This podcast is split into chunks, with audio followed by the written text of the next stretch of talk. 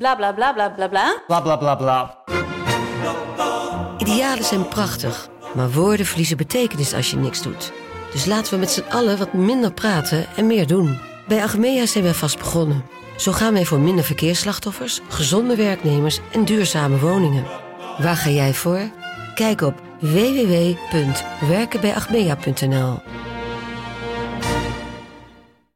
In de muziektheatervoorstelling Het Achtste Leven voor Brilka naar de wereldberoemde roman van Nino Haratischvili en in regie van Nina Spijkers vertelt hoofdpersoon Nitsa op meeslepende wijze met veel ironie en humor de dramatische geschiedenis van acht levens uit haar Georgische familie tussen 1900 en nu. Een hartverscheurend en tegelijk troostrijk drama verteld vanuit het perspectief van vrouwen uit verschillende generaties waarbij het publiek meegenomen wordt op een emotionele, visuele en muzikale reis door de 20ste eeuw. Koop je tickets voor het achtste leven via oostpol.nl. Met gepaste trots presenteren wij onze eerste sponsor, Superbra. Marilotte dacht altijd dat zij een goede BH droeg, want ze had zichzelf op laten meten. Maar niks bleek minder waar. Floor van Superbra nam mijn maat op in haar winkel en ik bleek geen 80E te hebben, Maar 70J. Wat? Oh my god! En nu heb ik een BH die ik nooit meer uittrek, want zo comfortabel, ik weet niet wat ik meemaak. Ook opgemeten worden door een pro? Ga naar Superbra in Rotterdam en krijg 10% korting als je superbra.nl slash pages slash damnhoney op je telefoon laat zien bij de kassa. Of bezoek superbra.nl en vul bij het afrekenen damnhoney in. Zometeen meer over mijn nieuwe liefde, maar nu eerst... Welkom bij Damn Honey!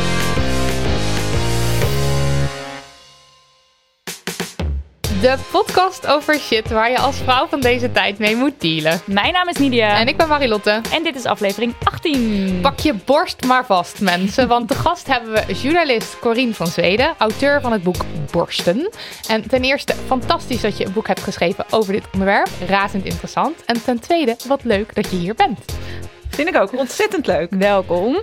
Eh, straks alles over borsten en meer. Eh, maar eerst, Marilotte, vertel ons wat het minst feministi- feministisch is dat wij allebei afgelopen week gedaan hebben. Allebei We hebben een wij- gezamenlijke. Wij, hebben eenzelfde. We hebben allebei deze week enorm gevictimblamed. op Eh, onszelf. op onszelf. Eh, bij mij was het zo dat ik ehm, een paar wat eh, opvallende nieuwe kleren had gekocht. Die ook wel redelijk strak zitten. Dus ik liep in eh, knallende kleuren en strak zittende kleding naar buiten. En ik werd enorm nageroepen en aangesproken. En ik zat dat te vertellen thuis. En toen zat ik in mijn verhaal, terwijl ik het aan het vertellen was dat het gebeurde, zei ik, nou, maar ik lokte het natuurlijk ook een beetje zelf uit. Want ik heb het, ik had het aan. En Erg, toen ja. hoorde ik me dat zeggen en toen zei ik daarna, maar dat mag ik niet zeggen, want dat is victim blaming. Dat is wel jezelf gecorrigeerd. Ja. Ja. ja. bij mij dus precies hetzelfde. Ik liep zelfs met jou, geloof ik. En ik had een soort nieuw catsuit-achtige situatie aan... waarin alles heel revealed is. En er was een man die een beetje zo in mijn oor zo fluisterde. Ik weet niet wat hij fluisterde, het was goor. En toen zei ik ook zoiets van... Ja, ik heb ook dat pak aan, dus ik snap het ook eigenlijk wel. Maar er zijn natuurlijk ook hartstikke hot, dus vandaar. Corine, heb je ook nagedacht over deze vraag? Ja, ik had een eh, ervaring met een, in een voorgesprek bij een van de media die eh, aandacht geven aan mijn boek Borsten. Een voorgesprek met een mannelijke redacteur. En al bij, nou, die fixeerde heel erg op het idee dat ik geen borstreconstructie heb laten doen nadat ik een borst verloren heb. Dat vond ik al enigszins lastig. En toen was de tweede vraag: is het te zien? En toen dacht ik, wat bedoelt hij nu toch? Maar ik kwam erachter dat hij van mij wilde weten of ik eenborstig door het leven ging. En ook zichtbaar eenborstig door het leven ging. En ik is eigenlijk, bedacht ik achteraf, is het een hele. Ik had iets moeten zeggen van, nou, dat is niet echt een vraag waar ik antwoord op wil geven of zo. Super Maar ik raakte toch een beetje van slag. En ik begon hem uit te leggen dat ik een prothese in mijn BH draag. En ik dacht achteraf, ging er dus toch in mee. waarom ben ik Ja. hierop ingegaan? Ja, Ja, maar ik snap, ja, heel begrijpelijke reactie wel. En een hele vervelende invasief vraag. om Ja, gewoon zo maar hop god. dat erin te gooien. En bovendien, hij heeft dat boek gelezen, neem ik aan. Dat, nou, Wat- Hij zou moeten weten hoe, hoe het zit voor mij. Maar Ja. goed, dat, dat wist hij dus blijkbaar niet. En het is op zich niet een verkeerde vraag. Je mag het wel stellen, maar ik vind het als tweede vraag in zo'n gesprek bij, bij iemand die je niet kent, vind ik dat ontzettend ongepast om dat op die manier erin te gooien. Ja. en Ja. ook heel erg vervelend. En ik raakte er echt een beetje van van slag. En ik voelde het ook wel als kritiek meteen. En dat is natuurlijk ook een heel vervelend gevoel. Ja. En dat is ook niet het, eh, de toon die je wil zetten bij een interview als als journalist zijnde eigenlijk of redacteur zijnde. Dat als Nee, je iemand dat helemaal niet. gevoel geeft. Nou, Nee, en mijn boek gaat daar ook niet over. Nee, daarom, dat dat is bedoelde dan ik nog eigenlijk het met- lastigste van het hele verhaal. Ja, Ja. ja. van heb je het wel gelezen, want het gaat daar inderdaad niet over. Maar ik zou dus wel Ja. Ehm, assertiever willen zijn op zo'n moment. Ja. Maar Ja. dat, dat, je bent niet toch van. een beetje perplex als iemand je zo baf in je gezicht zo'n vraag stelt. ja, Ja. hebben wij ook nog steeds hoor. Dat eh, op zulke soort momenten dat je denkt, oké, wat? Ja.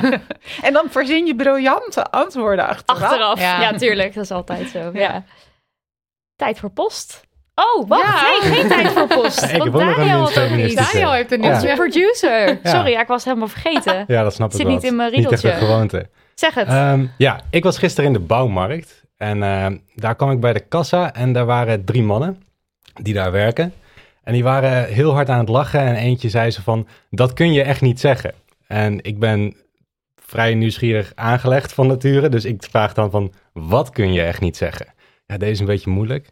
En toen zei op een gegeven moment eentje van, ja, ik, eh, ik zei net dat hier eh, twee, eh, twee vrouwen werken. En dat ze hier maar moeten gaan werken zonder kleren aan. Maar ehm, als je weet hoe ze eruit ziet, dan snap je wel dat ze kleren aan hebben. En toen zat, ik, toen zat ik echt zo. Moet ik hier wat van zeggen? Want ik, ik ben heel erg van dat ik ook in afwezigheid er wat van moet zeggen. Maar ik reageerde echt met van. eh, eh, ja. Heb je meegelachen? Je hebt niet meegelachen. Nee, ik heb niet meegelachen, Nou, want ik kan er niet om lachen. Maar ik, ik vond het echt heel erg. Nou, je bevestigde misschien ook vooral dat je dat inderdaad niet kan zeggen. Ja, dat zou misschien. Ja, ik weet niet. Is dat wel, ik moet denk ik voor. Ik wil wel graag actiever daartegen ingaan. Ja. En wat Ja. had je kunnen zeggen? Ja, dat, je- dat je dat niet kunt zeggen. Ja. Ja. en dan misschien uitleggen waarom je dat niet kunt zeggen. Maar ja, ik weet niet. Ik vond, ik vond het moeilijk. Ja. Ja. Ja, misschien dat is een van die drie mannen dat eigenlijk ook wel dacht, maar dat er dan meegelachen wordt, omdat dat dan nou eenmaal is hoe mensen dan... eh, Ja, en ik weet zeker dat ze tegen mij hadden gezegd, omdat ik ook een man ben. Ja, Ze zouden dat niet tegen een vrouw zeggen vrouw, van, ja. ja. ja, ik zei net dit. nee. Dat ga je niet doen. Volgende was- keer zeg je wat. volgende Volgende keer zeggen we allemaal. Wat. Dan nu tijd voor post. Post. Oké, eh, we kregen post en ik ga eh, het poststuk even voorlezen. Hoi, lieve dames. Het gaat om het volgende. Er is vanavond een salsa feestje in Rotterdam waar ik graag heen wil. Dat is ongeveer 25 minuten fietsen, maar ik merk dat ik twijfel om op de fiets te gaan omdat het laatste stukje een beetje afgelegen is. Ik merk dat ik toch een beetje bang ben om s'nachts alleen over straat te gaan sinds de recente nieuwsberichten. Anne, jullie en andere recente verkrachtingszaken. Nu is de kans dat zoiets gebeurt natuurlijk heel erg klein. En ik vind ook niet dat we als vrouwen zelf verantwoordelijk zijn als er iets gebeurt. Dus niet had ze maar niet s'nachts in haar eentje moeten gaan fietsen.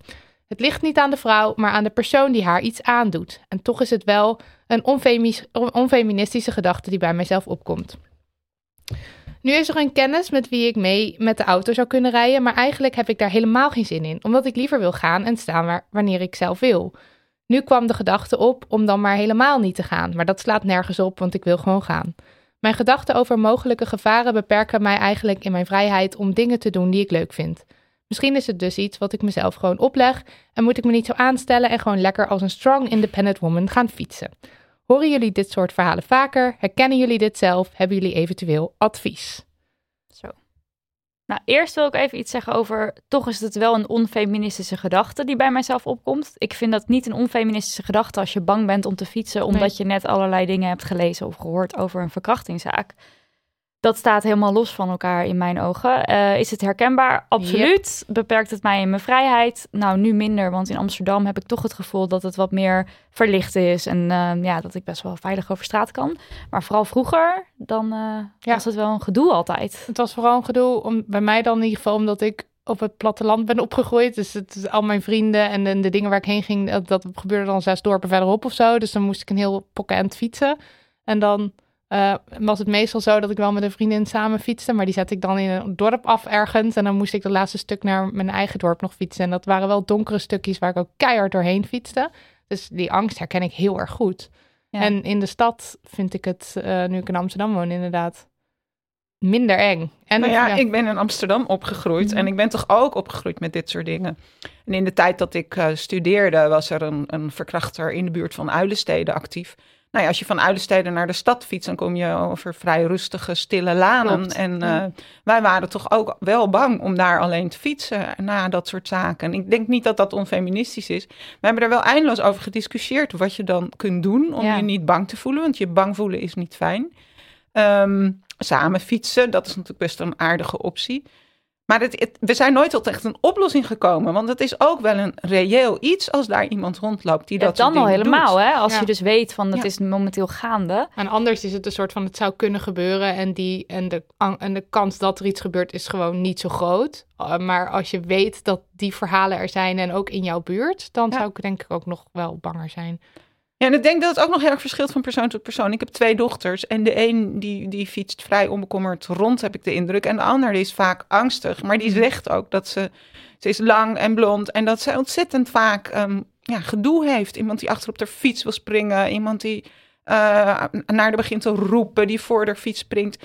En die voelt zich dus niet helemaal veilig eh, in haar eentje, waar dan ook in Amsterdam. Ja, en Dus- dit is precies het probleem. Want je kan wel zeggen, ja, vrouwen, eh, je, je stelt je aan. Of Wees het is niet jouw schuld, woman. dus je moet gewoon fietsen. Ja, precies. Maar op het moment dat je dit soort dingen meemaakt, dan heb je wel degelijk iets om bang voor te zijn. Dan is het niet de schuld van de vrouw. Maar je, ja, je moet er wel mee dealen op dit moment. Ja, Bleh. en daar, dat is de reden waarom we elkaar allemaal appen. Ben je veilig Ja. thuis? Ja. Heb je je sleutels tussen je Maar het was wel veel. bij mij vroeger, ik woonde dan in een dorpje en veel van mijn vriendinnen in een ander dorpje. Dus als wij dan met z'n allen, we gingen niet zo vaak uit trouwens, maar als we dan een keer uitgingen, dan moest ik vaak in mijn eentje door, en niet echt door het bos, maar langs bos fietsen. Want wij woonden niet in hetzelfde dorp. En dan moest ik van mijn ouders natuurlijk samen fietsen.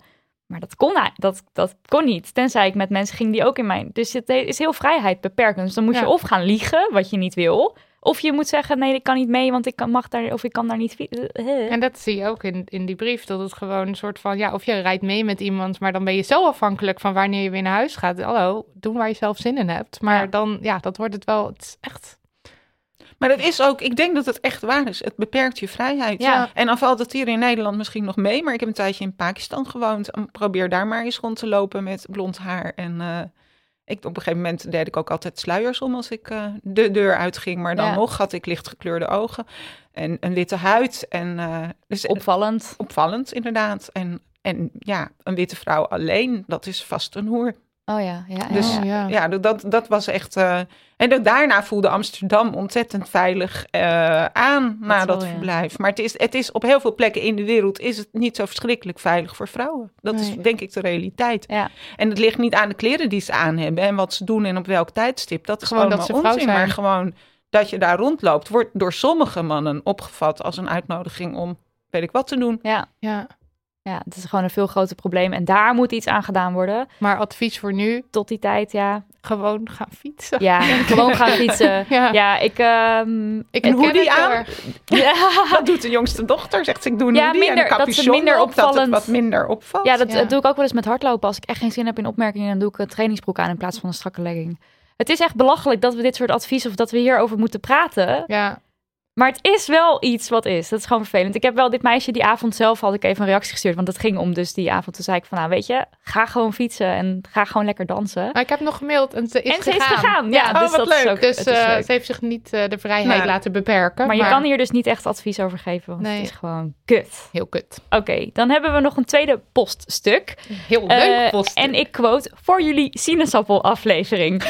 het is een lange brief, dus ik stel voor dat we hem in alinea's behandelen. Dat we elke even wat eh, erover kunnen zeggen. Hoi Marilotte en Nidia en Corine natuurlijk. Eh, een vraag van een man die met plezier naar jullie podcast luistert. Borsten. Daar gaan jullie het over hebben. Laat ik eerlijk zijn, ik hou van borsten. Oei. Laat ik daar meteen zelf op inhaken. Ik weet niet of ik dat zo mag zeggen of erover mag praten. En juist dat wil ik op meerdere vlakken graag met jullie bespreken. Immers, iets in mij vindt het direct klinken alsof ik een of andere viezerik ben. Nou, beste man. Als jij borsten mooi vindt, ben je niet meteen een viezerik. Dat Nee. mag gewoon. Dat mag er zijn. Ik vind En je bent ook niet prachtig. de enige. Nee, Ik hou ik heel erg borsten. van borsten. Ja, jij loft ook borsten. Ik lof hem. Ik lof die van mezelf, die van mijn vriendin. Daniel loft borsten. Ik, ik hou van borsten. Ja. Ja.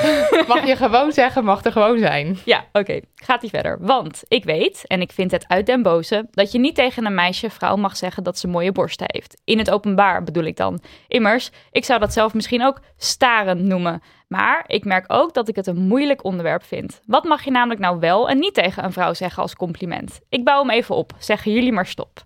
Wat zit je haar mooi? Wat heb je mooie ogen? Ik breek eventjes in. Dit, ook al klinkt het vrij onschuldig, kan al echt heel kut zijn als je het met eh, eh, eh, een, op een hele nare intonatie zegt of op een hele soort van intimiderende manier op een meisje afstapt. Dit, dit kan al heel naar zijn. Dus het hangt er heel erg vanaf wie zegt het en in welke setting. Ja, want zelfs als je het niet, niet in een steegje, maar gewoon op je werk, als je mannelijke collega opeens uit het niks in een, in een zakelijk gesprek zegt, wat heb je mooie ogen? Dan denk ik ook, waar heb, daar Ja, gaat het niet op. over. Ja, oké, maar ik ga even verder. Ja. Wat heb je een leuke broek aan? Wat een leuk topje. Je billen zijn mooi in die broek. Ja, hè? Dat wordt al, al net wat anders. Dit is al een nee, toch? Dit zeg je niet tegen een vrouw nee. die je niet kent. Sowieso niet. Nee. Nee. Nee. Eh, en een vrouw die je wel kent, in, in specifieke situaties zou het misschien kunnen. Hm. Eh, je topje is erg sexy, je borsten komen mooi uit in dat truitje. Nou, dan zegt hij ook zelf, ik vind de grens hierboven al behoorlijk bereikt, maar ik wil deze vraag serieus aan jullie voorleggen. Ik geloof en merk dat zoiets gauw seksistisch wordt, terwijl, maar dan spreek ik voor mezelf, ik borsten gewoon zie als vrouwelijk, feminien, schoonheid.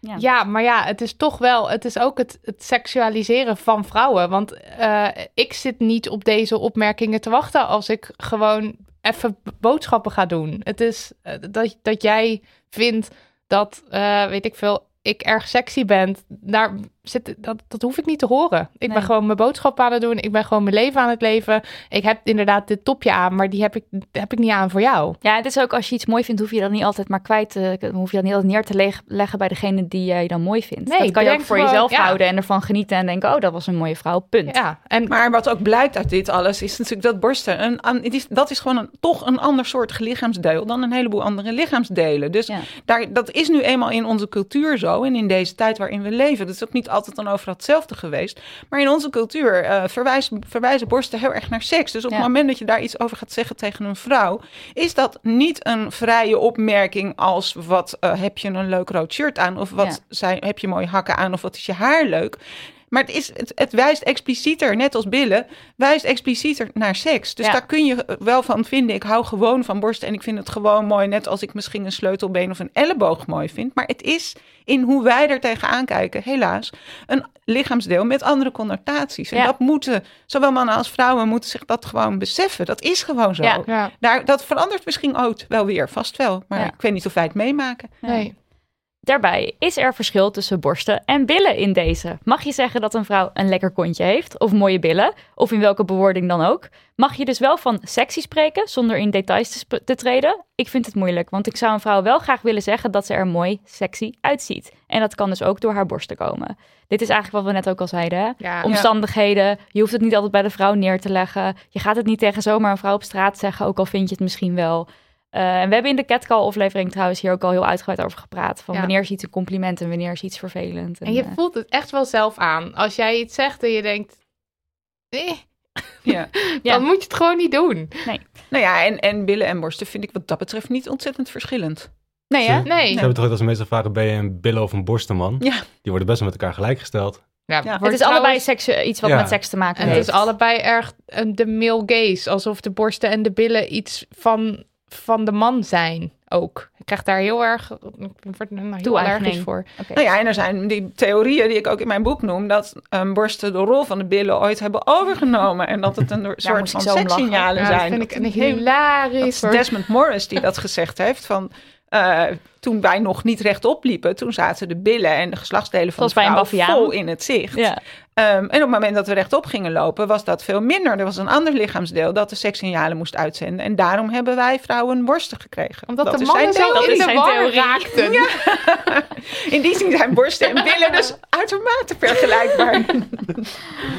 En dan, eh, en dat is het volgende moeilijke, die aandacht. Ik kan als man zeggen dat wij graag pronken met wanneer wij gespierd zijn, ons haar in een goede kuif kammen, etc. Heeft voor mij met aandacht te maken. Ik probeer, en dat is een van de redenen waarom ik jullie mail, erachter te komen hoe dat voor vrouwen werkt.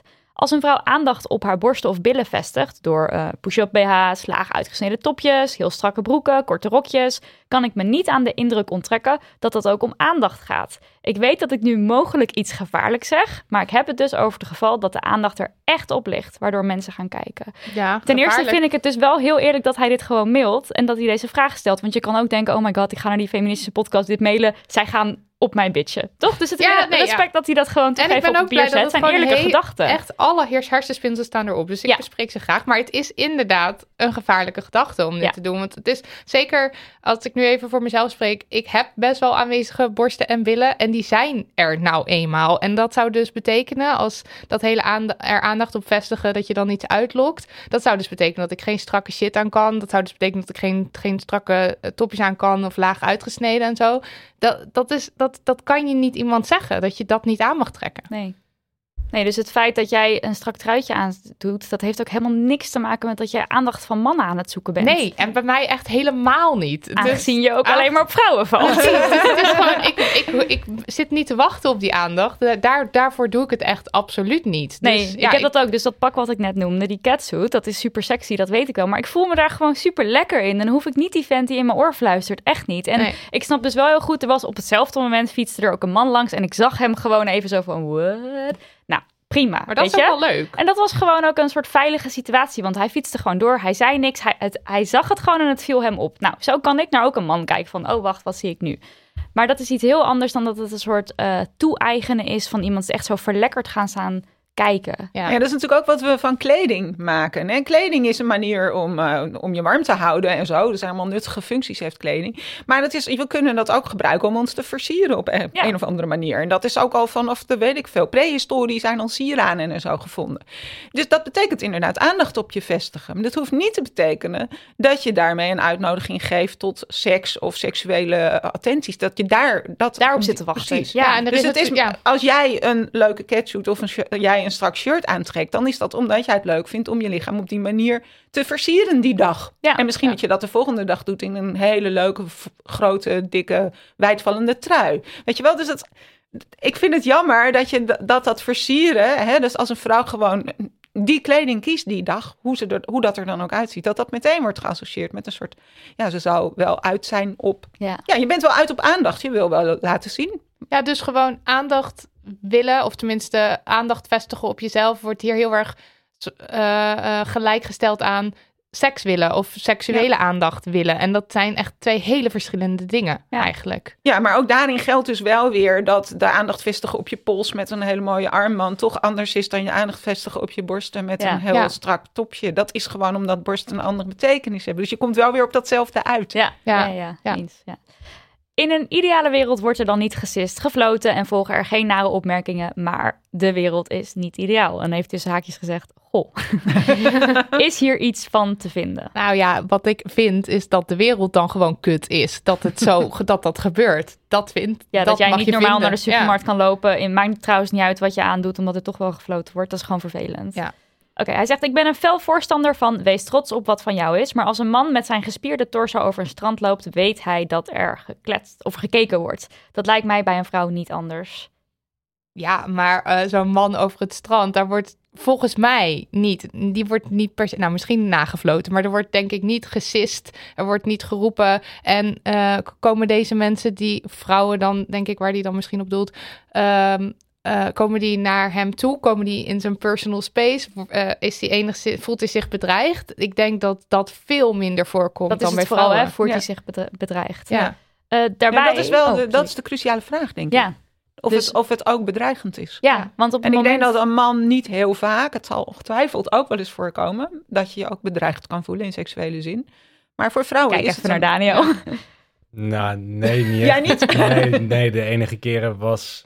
Ja, ik, ben wel eens, ik heb me wel eens bedreigd gevoeld door mannen die Ja. op mannen Ja. vallen. die op mannen vallen, maar Ja. meer niet. Nee, Nee. omdat Ja, je goed, dan dat dus is toch... ook niet heel leuk, toch? Nee, dat vond ik echt niet leuk.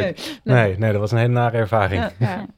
Eh, daarbij, wanneer mag je kijken en wanneer wordt het staren? Nou, ik heb hier echt eh, gisteren een heel goed voorbeeld van gezien. Ik zat op de fiets en voor mij fietste een meisje.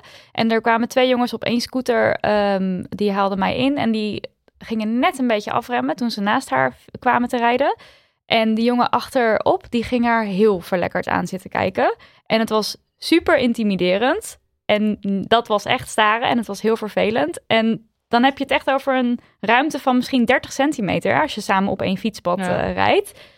Dat is gewoon niet oké. En dat is dus weer zo anders dan wat ik net zei van die jongen die langs fietst en die dan heel even kijkt en gewoon weer doorfietst. Ja. Dus ja, is het staren? Bij allebei de gevallen is het staren. De ene is veel intimiderender en enger en stommer en kan zo nog dagen in je hoofd blijven hangen dan de ander. Ja, dus dat is het, het cruciale verschil. Is het vo- voelt degene naar wie gestaard wordt zich bedreigd of Ja. niet? Ja. Is het vrijheidsbeperkend of niet? Ja. Dat is het kutte. En dat is moeilijk uit te maken, denk ik, voor een man. Of wat hij doet bedreigend, als bedreigend kan worden ervaren, ervaren. of niet. Want dat Ja. weet je nooit helemaal zeker. En eh, dus dat, dat is denk ik in de interactie tussen mannen en vrouwen, is dat ook wel een ding. Dat je Maar Ja. bij, ook bij de jongens op zo'n scooter, dan denk ik, Ja, dat die moet je toch aanvoelen dat Ja. het intimiderend is? Ja, maar dat, is, dat was echt toe-eigenen. Ja. Van, Ja. ik ga even nu lekker naar jouw lichaam kijken en wie houdt mij dat is tegen? geen grensgeval, dus. Nee, nee, nee, nee, nee, dat was heel duidelijk. Grens overschrijden. Van, ja. Ja. Eh, en hoe werkt dat als je als vrouw een bikini koopt waarvan je weet dat je borsten en of billen er duidelijker in uitkomen? ja, hallo, nog een keertje. Dat hoeft dus niet voor de mannetjes te zijn. Ja, en ook welke bikini in hemelsnaam laat je borsten niet uitkomen? Het is een bikini. De burkini misschien. nou ja, ja, true. Dat is wel Ja, waar, maar ja. dan nog steeds. Dan Ja, oh, zo bedekt hij echt alles soort van wijd. Maar het is een soort tuniek waarin Maar je dan zo nog weinig mogelijk komt bij ziet. mij van alles heel erg veel naar voren hoor. Ik bedoel, zelfs Ja, want in je een- hebt ze nou eenmaal, een die borsten. hobbenzak ding eh, wordt er Zie het naar mij nog borsten geroepen. Dus ze zijn er nou eenmaal met. Nou, dan heeft hij nog een laatste iets. Eh, het taboe in combinatie met jonge meisjes kinderen. Ik ben zelf muziekdocent. Ik had deze week een meisje op les. Ze is 14. Het meisje pubert flink en heeft voor haar leeftijd grote borsten. Ze draagt soms kleding waardoor ik me bijna haar oma ga voelen en geneigd ben om te zeggen: Kind, doe een ander truitje aan. Ik kan haar BH soms gewoon zien. Dat soort truitjes draagt ze. Schrik niet, ik heb niks gezegd. Ik denk ook niet dat dat mijn positie is. Immers, het kan niet anders dan dat ik dan die viezerik ben. Maar hoe ga ik hiermee om? Is dit überhaupt iets om te bespreken? Hoort dit bij ontdekken? Als ik iets zou kunnen bijdragen aan dit meisje, geen slet genoemd, dat dat meisje geen slet genoemd wordt, zou ik dat graag doen. Ik denk het enige wat je aan bij kan dragen dat een meisje geen slet genoemd wordt, is om de mensen die haar slet noemen daarop aanspreken. En verder gewoon je mond houden. Ja, ja en dit is weer hetzelfde verhaal. Zij heeft gewoon borsten. Ja, En eh, zou je bij een meisje die precies zo'nzelfde uitgesneden truitje aan heeft, maar dan met cup A, is het dan net zo seksueel gelijk in zijn ogen? Of is het alleen maar omdat zij grote borsten heeft dat het dus ja omdat zij is? grote borsten heeft. Want Ja. daar zit dus een hele lading aan. Maar dan nog, dat is het kutte van de wereld. En dat moeten we willen veranderen. Ja, en ter illustratie van eh, hoe een leraar hier dus invloed kan hebben op, eh, op een vrouw. Eh dat was een reactie die een luisteraar naar ons stuurde. Ik had als een van de eerste uit de klas borsten en gelijk ook best groot. En ik weet nog heel goed hoe er in de eerste klas, eh, hoe mijn leraar CKV in mijn shirt keek. Daarna heb ik besloten alleen nog maar hoge shirts te dragen. Tot op de dag van vandaag, ruim 15 jaar later, heb ik nog steeds moeite om me lekker te voelen met een laag decolleté in een onbekend gezelschap. Ik heb nu ook veel last van mijn rug, omdat ik jarenlang niet meer rechtop durfde te lopen, omdat mijn borsten dan groter leken. Dit dat- doet het dus, hè, met mensen. Dit is verbijsterend en dit heb- ben ik heel veel tegengekomen in het interviewen voor mijn boek over borsten. Mhm. Dat de vroege opmerkingen die je dus krijgt. En kijk, het moment dat die borsten ontstaan, is eigenlijk ook het eerste moment dat een meisje in de wereld als vrouw wordt gezien. Ja. En vrouw is dus ook iemand die potentieel een sekspartner zou kunnen zijn. Dat is dus het moment waarop je opeens op een andere manier in de wereld bent. Niet meer als kind. Dat kan een jongen of een meisje zijn, maar als vrouw. Ja. Wat er dan gebeurt in die eerste tijd, de, de eventuele opmerkingen, de grensoverschrijdingen, een keer in borsten geknepen worden, dat, dat gaat een leven lang mee vaak. Dus Ja. dat, ik denk niet dat mannen zich dat eh, helemaal realiseren. En ik denk dat dat sowieso geldt voor pubers. Je bent heel erg onzeker. In die jaren, de meesten zijn heel erg onzeker in die tijd. Maar wat er dan over je lichaam gezegd wordt, dat kan echt een enorm verstrekkende gevolgen hebben. Ja. Ja, en ook het idee van dat je dan, eh, hij denkt dan dat hij, eh, volgens haar oma, weet je, wel, van eh, bedek jezelf eigenlijk. Dat is dan de boodschap die, haar, die hij haar mee zou willen geven. Nou, dat lijkt mij niet de boodschap die je mee wil geven aan meisjes. Bedek jezelf. Je mag er zijn, ook met grote borsten. En die mogen gewoon zichtbaar zijn, want je hebt ze nou eenmaal. Maar ja, dat blijft wel ingewikkeld, want we leven in een wereld waarin die grote borsten ook aandacht trekken van mannen die, die daar seksueel door geprikkeld worden. Ja. En dus je moet wel, en dat vond ik ook in de opvoeding van mijn dochters, je moet ze op de een of andere manier wel leren zich te verhouden tot die wereld waarin dat nu eenmaal aan de hand is. Ja, Ja. Eh, dus het blijft dat je aan de ene kant wil zeggen, joh, laat zien wat je wil laten zien. Je hebt Mhm. een prachtig lichaam, schitterend. En ga gewoon de wereld in. En dat je aan de andere kant denkt, ja, die wereld is niet zo verschrikkelijk leuk overal. Dus ehm, als je daar... Als je dit laat zien op die manier, dan kan dat ook vervelende reacties uitlokken. Dat is wel de realiteit. Dus maar dit ik is wel een hele moeilijke mooie boodschap manier. vinden. Hoe jij het nu zegt is heel mooi. In tegenstelling tot... eh, eh, Bedek oh, jezelf. ja, bedek jezelf. Want Ja, de leer je wereld... verhouden tot de je- wereld. ja, en je begint nu met... Je hebt een heel mooi lichaam en het, is, en het is prachtig en je mag het laten zien. Maar de wereld is niet altijd even... Dat, dat vind ik al een hele andere boodschap dan gelijk beginnen met... Nou, eh, moet je niet je truitje Maar en dat zeg maar, eh, deze man nu dit mailtje stuurt. Dit is dus iemand die de- deze vraag al heeft. En blijkbaar wel heel bewust is en naar onze podcast luistert. Dus ik denk wel, er is nog zoveel winst te behalen op gewoon de opvoeding van jongens. Want dit is, dit is iemand die dus echt wel heel open hierover nadenkt en goed. En er ook bewust van is dat er echt iets, iets fucked ups aan de hand is. Maar hij, zelfs hij zit met deze Ja, en zijn geschiedenisleraar collega die zegt misschien wel... mij trek je truitjes omhoog. Precies. Terwijl die er dus niet Ja. over nadenkt. Ja. ja.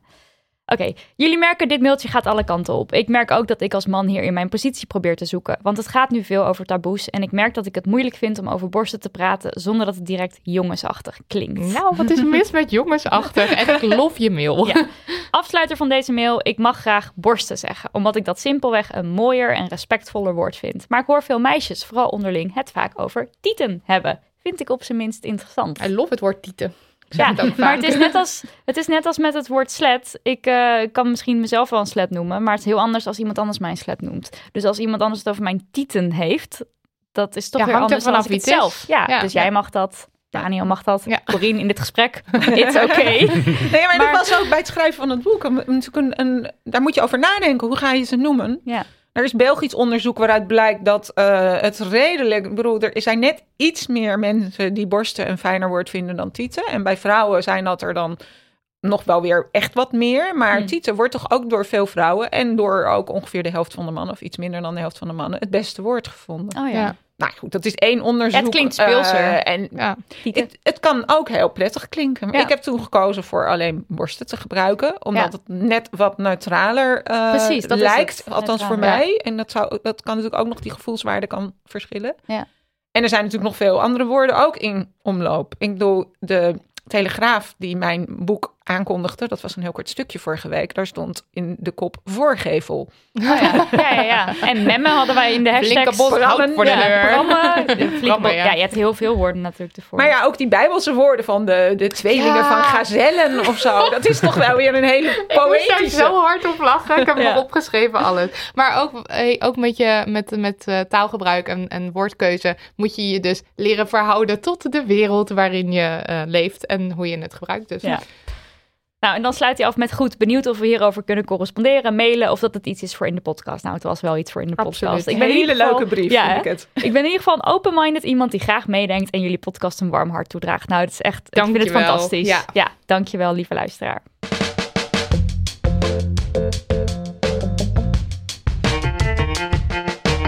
Voordat we verder gaan over borsten, eerst even een goed woordje voor onze sponsor, want die houdt ook van borsten. Ja, nog even over Superbra. Marilot, je droeg toch al goede BH's? Kijk, ik wist heus al dat 80% van de vrouwen een verkeerde BH draagt en mij zou dat niet overkomen. Ik heb me laten opmeten bij toonaangevende BH-zaken Eh, en ik was ervan overtuigd, ik weet mijn maat, ik heb een goede BH. Was niet zo. Maar wat is er dan zo anders aan die meetmanier van Superbra? Ga erheen en laat het over je heen komen. Het is niet uit te leggen. Floor heeft een magisch inschattingsvermogen. Een soort sixth sense. Ja, het is een ervaring en je gaat gegarandeerd met een mega comfortabele BH naar huis. Ik heb mijn oude BH's verbrand. Oude feminist. Oh, en vraag Floor ook eventjes naar de move Swoop en Scoop, want die verandert je leven. Ik las op de website dat het alleen eh, vanaf Cup D gaat. How about me? The people's like me. Floor zei tegen mij dat 90% van de vrouwen terecht kan in haar winkel en ze schat jou in op een 60D. Nee joh, ik heb 70C. Nou, waarschijnlijk niet dus. Oké, nou naar Superbra dus. Waar zit die winkel? Op Zwaanhals 274 in Rotterdam. Laat de pagina superbra.nl slash pages slash damnhoney zien op je telefoon voor 10% korting. Of vul Damn Honey in bij het online afrekenen op superbra.nl. Thank us later.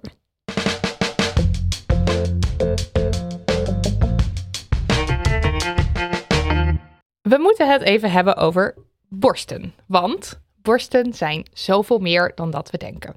Corine, jij schreef onlangs een boek over borsten met de toepasselijke naam Borsten. Hoe kwam dat zo?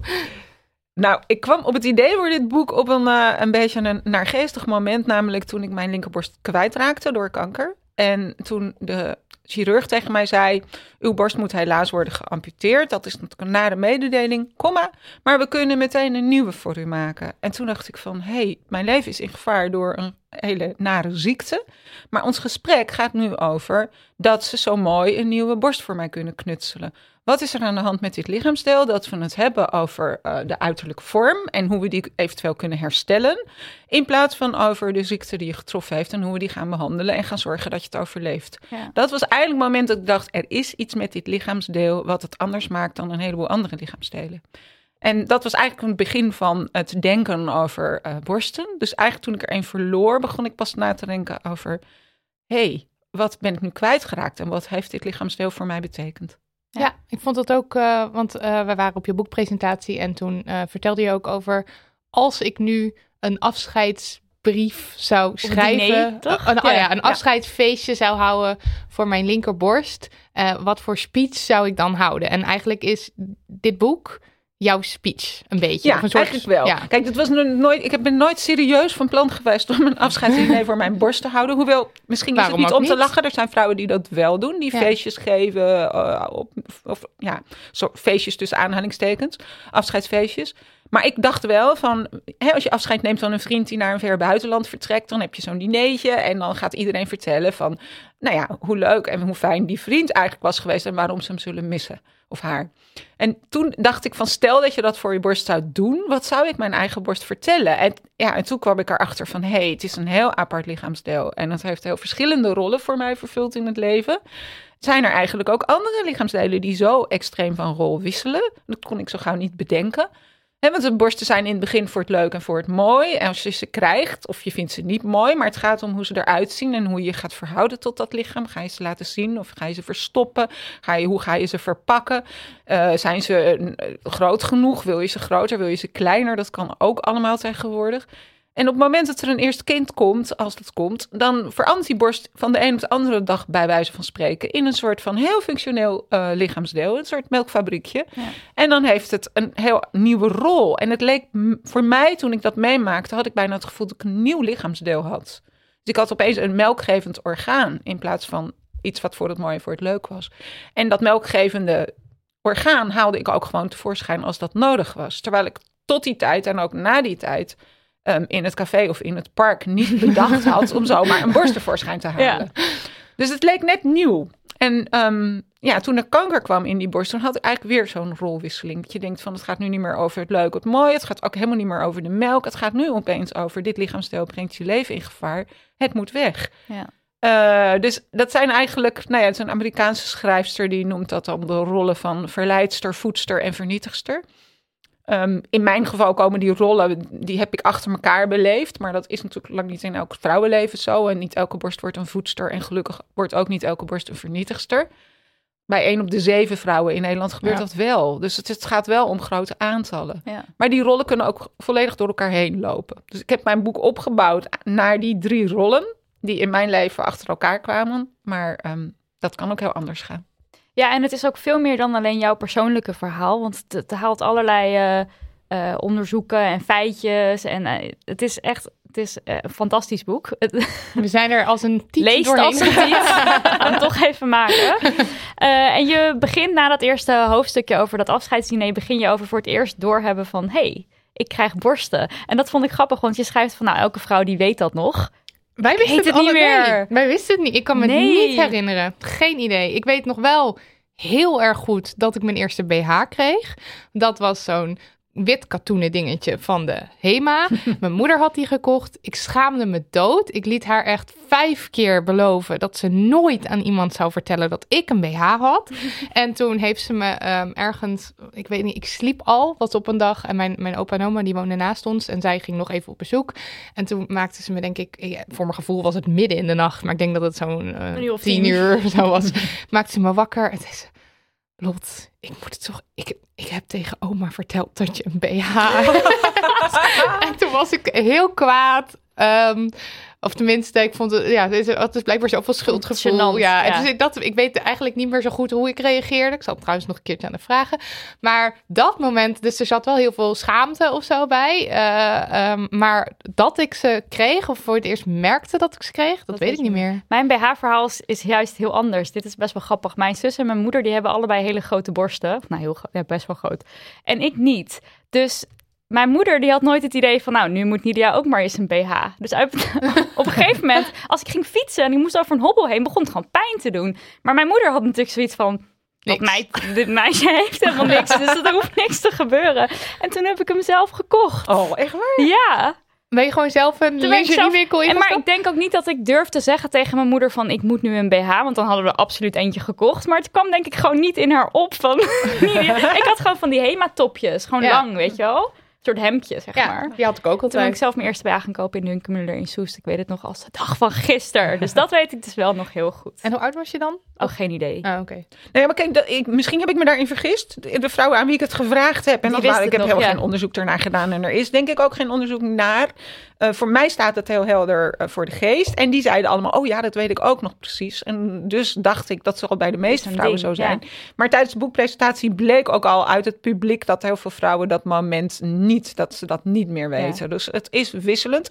Het kopen van de eerste BH, dat is denk ik voor iedereen... Misschien wel, hè, dat is bijna een soort initiatierieten. Ja. Want vanaf dat moment zijn die borsten zichtbaar voor de buitenwereld. En vanaf dat moment word je dus als vrouw gezien. En dat verandert eigenlijk wel je zijn in de wereld. Daar Ja. heb ik Lisbeth Woerdman, eh, psycho- hoogleraar psychologie, eh, over geïnterviewd. En die herinnert zich het ook uit haar eigen leven, dat moment heel sterk. En die zegt ook van dat is een heel grote verandering. Dus je bent geen kind meer, maar je wordt vrouw. En Ja. vrouwen worden in deze wereld ook, nou ja, je wordt ook seksueel bekeken vanaf dat moment. Ja. En jongens hebben natuurlijk dat soort momenten, denk ik ook, als je een baardgroei krijgt of als je de baard, een zware ja. stem krijgt, dat er dan op, vanaf dat moment anders naar je gekeken wordt. Bij vrouwen is het echt dat moment van dat die borsten na een periode van langzaam groeien. Er zit vaak nog wel een jaar of zo tussen, hè, dat je die eerste piepkleine borstjes ontdekt, Ja. eh, als je ze ontdekt. En dat het dan zoveel is dat er in de buitenwereld, ehm, ja, dat, Dat er een BH nodig is, zou ik ja. maar zeggen. En Want ik, her- ik herinner me wel dat ik jeuk had. Dat, Nou, is iets wat ik me dus wel herinner. Maar niet per se van, oh, nu krijg ik borsten of dat het een ding was. We hebben best wel veel reacties van luisteraars gekregen over, eh, van jonge luisteraars ook, over eh, mijn borsten zijn niet groot genoeg of nou ja, dat soort dingen. Eh, wat overigens, elke borst is natuurlijk prachtig. Dat, dat lijkt mij een van de kernboodschappen in deze. maken. Ja. Ja. Maar daar heb ik dus ook eigenlijk nooit echt aandacht aan besteed. Hoe is dat Hoe bij groot jullie? ze waren, Ja, of, of, dat, er, eh, dat er iets mis mee was. Of, ik heb misschien ook gewoon een hele degelijke k- cupmaat. Ik hou nu ook even, ik ben even aan het voelen van. maar misschien dat het dan ook anders dus is. Ik nou, heb- het is wel zo dat dat is zeker zo dat echt een grote meerderheid van de vrouwen eh, is niet helemaal of helemaal niet tevreden over Ja. haar borsten. Dus die ideeën over of borsten wel goed genoeg zijn, die, die worden heel vaak beantwoord met twijfel en aarzeling. En bij de een is het te groot en bij de ander is het te klein en bij de volgende zijn ze te slap. Ongelijk. Dus er is Ja. ongelijk, dat, wat doodnormaal is. Hè? Ja. Bijna altijd zijn borsten ongelijk. Ja. Twee ogen en twee ellebogen zijn ook niet gelijk, maar daar leggen we minder nadruk op. Maar borsten, in veel gevallen, 60, nee, 70 tot 80 procent zelfs, is de linkerborst om onduidelijke redenen wat groter. Grappig. Wat ik een heel grappig feit Ja, vind. ik, heb, ik, ik, ik ga vanavond even kijken naar mijn eigen. Is dat bij jou ook zo? Ja. Maar de zorgen over borsten en hoe ze eruit zien, die zijn echt. Nou, je mag je gelukkig prijzen als je daaraan ontkomt. Want Ja. heel veel vrouwen hebben daar dus wel problemen mee. Ja. Op een of andere manier. Ja, en ik, dat doen we onszelf natuurlijk aan. Ja, maar ik ben inderdaad, ik herinner me veel doodsangst dat ze zouden gaan hangen. En dat ik eh, die, die potloodtest die je, dan, die je dan had op een gegeven moment, dat je dan een potlood onder je, onder je borsten doet. En eh, dat, dat als hij blijft hangen, dan, dan als hij niet op de grond valt, dat potlood, dan, ging je, dan hing je je Ja, borst. ik snapte dat dus niet niks goed. van die test. Want bij mij valt er ook weinig om onder. Dus ik, ik snapte er echt. Ik ik, heb hem dus wel gedaan. Ja, En ik viel er de ballen van. hangen? Natuurlijk viel er, er is niks om, om te stoppen. Ja, maar bij mij, bij mij bleef het wel. potloden onder Dus jij ging je, mijn zus die zei altijd, bij mij kun je een hele kleurdoos van eh pensen, hoe heet dat? Ravensburg onderhangen.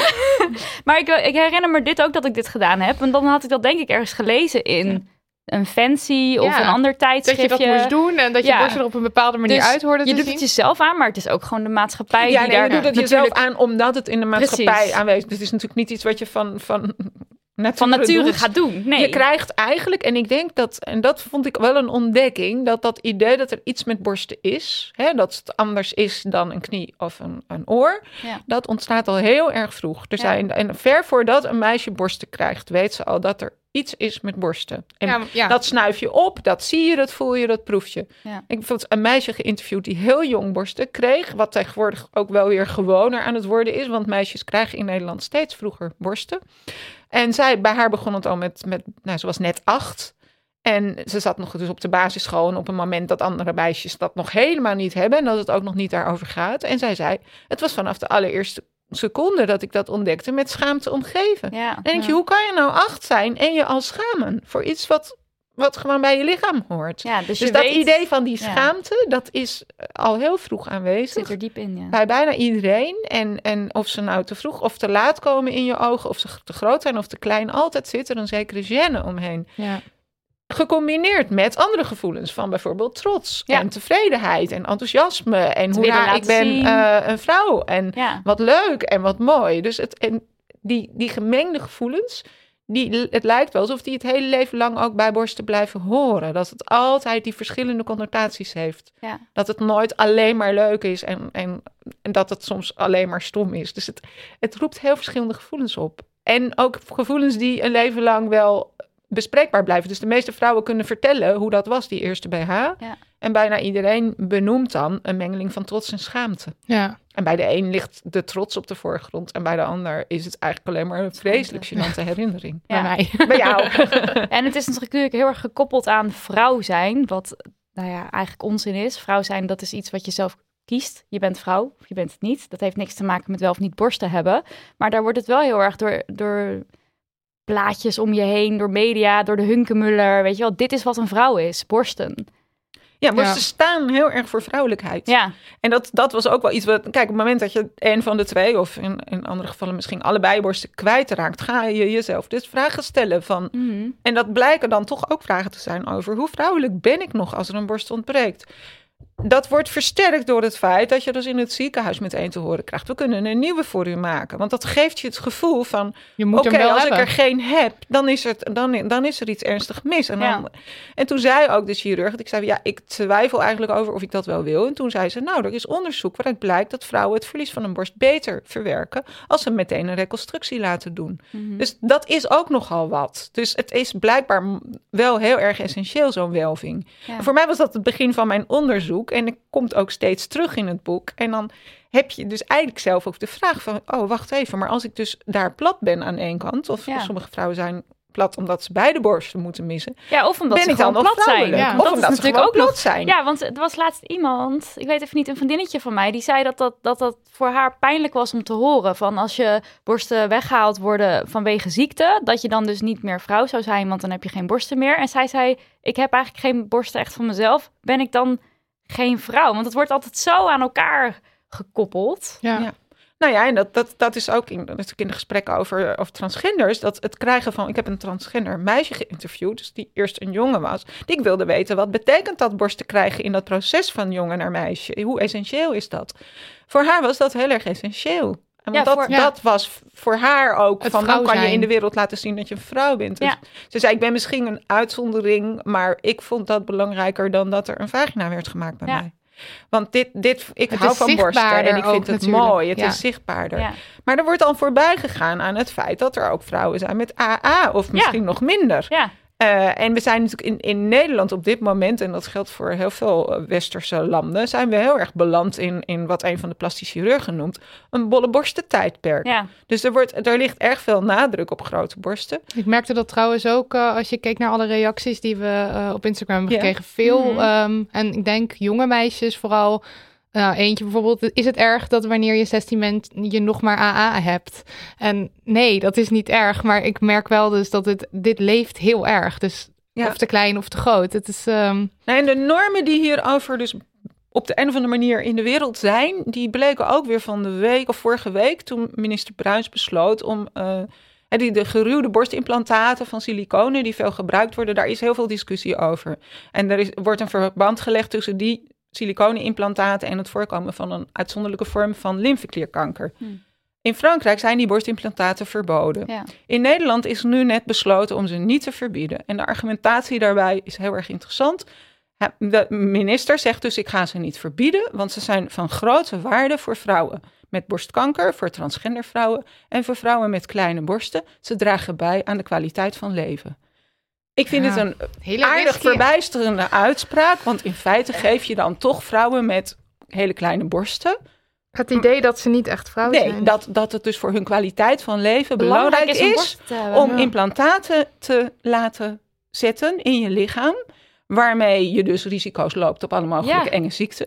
Maar die er ook voor zorgen dat je de neurale gevoeligheid in deze fijne organen kwijtraakt. Ja, want dit vind ik heel interessant. Hier had ik zelf nooit over nagedacht. Dat er natuurlijk allerlei... Het is niet zo dat het gewoon jouw borsten zijn, maar een tikje groter. Nee. Je hebt er Het geen ge- gevoel. het heeft- gevoel is weg. Het, vaak worden ze dan koud. Want het is moeilijk om... eh, ja, je, je, je, je hebt een lichaamsvreemd object daar zitten. Ja, Je bent, eh, als je pech hebt, ben je ook de gevoeligheid in je tepels voor een deel kwijt. Ja. Dus dat, dat eh, en plus dat, je kan borstvoeding geven als je borstimplantaten hebt, maar het kost meer moeite en de kans dat het niet lukt is ook groter. Dus waar die borsten vanuit de evolutie voor bedoeld zijn, op een dag eh, je nageslacht kunnen voeden. En dat was natuurlijk essentieel voor de overleving van onze soort, want er was vroeger geen flesvoeding. Mhm. Die flesvoeding bestaat pas sinds 1910 of zo.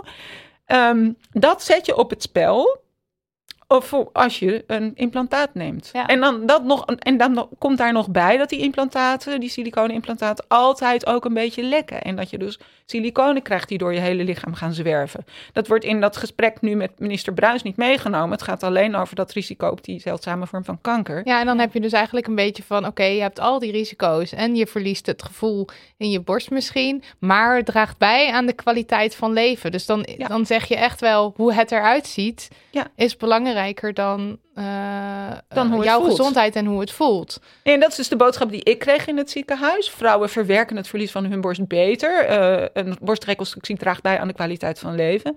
Maar het wordt nu dus zelfs gezegd tegen vrouwen met heel kleine borsten die besluiten om ze te willen vergroten. Dus gebruik die risicovolle implantaten nou maar, want voor je kwaliteit van leven is het goed.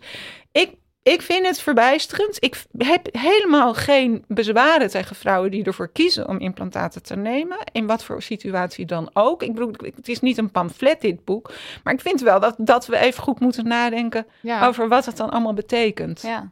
En wat ik ook verbazend vind, is dat het dus in al die gesprekken gaat over de uiterlijke vorm van borsten. Dus wat, ge- wat gezien kan worden en wat je zelf ziet.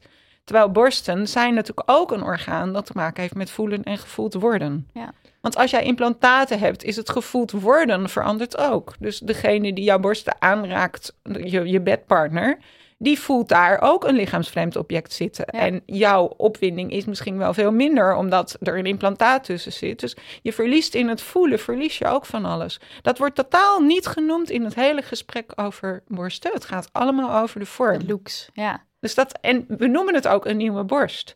Maar dat is toch eigenlijk niet helemaal exact. Het Nee. is de borstvorm die je kan herstellen. Ja. En nogmaals, plastisch chirurgen kunnen dat ehm, heel erg mooi. Want als je geluk hebt, wordt het echt prachtig. En ik zou het best wel heel erg leuk vinden als ik gewoon weer twee borsten op mijn lijf zag zitten als ik in de spiegel keek. Dus het is, het is niet zo dat ik een pleidooi heb tegen dit. Nee, je hebt ook Nee, een heel leuk idee. interview met Bobby Eden gedaan, wat ook in het boek terecht is gekomen. Die eh, twee keer een borstvergroting eh, heeft laten doen. Hoe zeg je dit? Ja, laten heeft ondergaan. ja, eh, en dan vertelt zij ook heel leuk van ja, ik was al lang uit het porno-industrie. ik werkte daar helemaal niet meer voor, maar ik vond het gewoon heel mooi. En ik vond het heel cool om te lezen hoe zij dat dan Ja, want dan ervaart. is het lichaamsversiering, net Ja, zoals met ja. kleding en Echt zo. voor Dat je denkt, zichzelf dit wil die ik. keus maken. Dat wilde zij. Maar Ja. toen, ik, toen zei ze ook tegen mij van, van, maar ja, mijn vrouwelijkheid, ach, als ik door kanker mijn borsten moet verliezen, Ja. nou, ja, dat zal dan zo. maar zo zijn, Ja. want vrouwelijkheid, dat zit toch helemaal niet in een Precies, tiet. zij hing dat, dat zei niet aan zij elkaar. tegen mij. Ja. Zij met die mega vergrote borsten, die Ja. zegt tegen mij, ah joh, vrouwelijkheid, dat zit helemaal niet in een tiet. Ja. En dat was, vond ik, een ontzettend leuke Vond ik ook uitspraak. leuk. Heel ja. erg leuk dat zij dat zegt. Want Ja. ja, vrouwelijkheid is hoe je je voelt. Ja, wat je van binnen, Ja. hoe je van binnen bent. Je Maar die grote, die obsessie eigenlijk met wat grotere borsten, porno, eh, eh,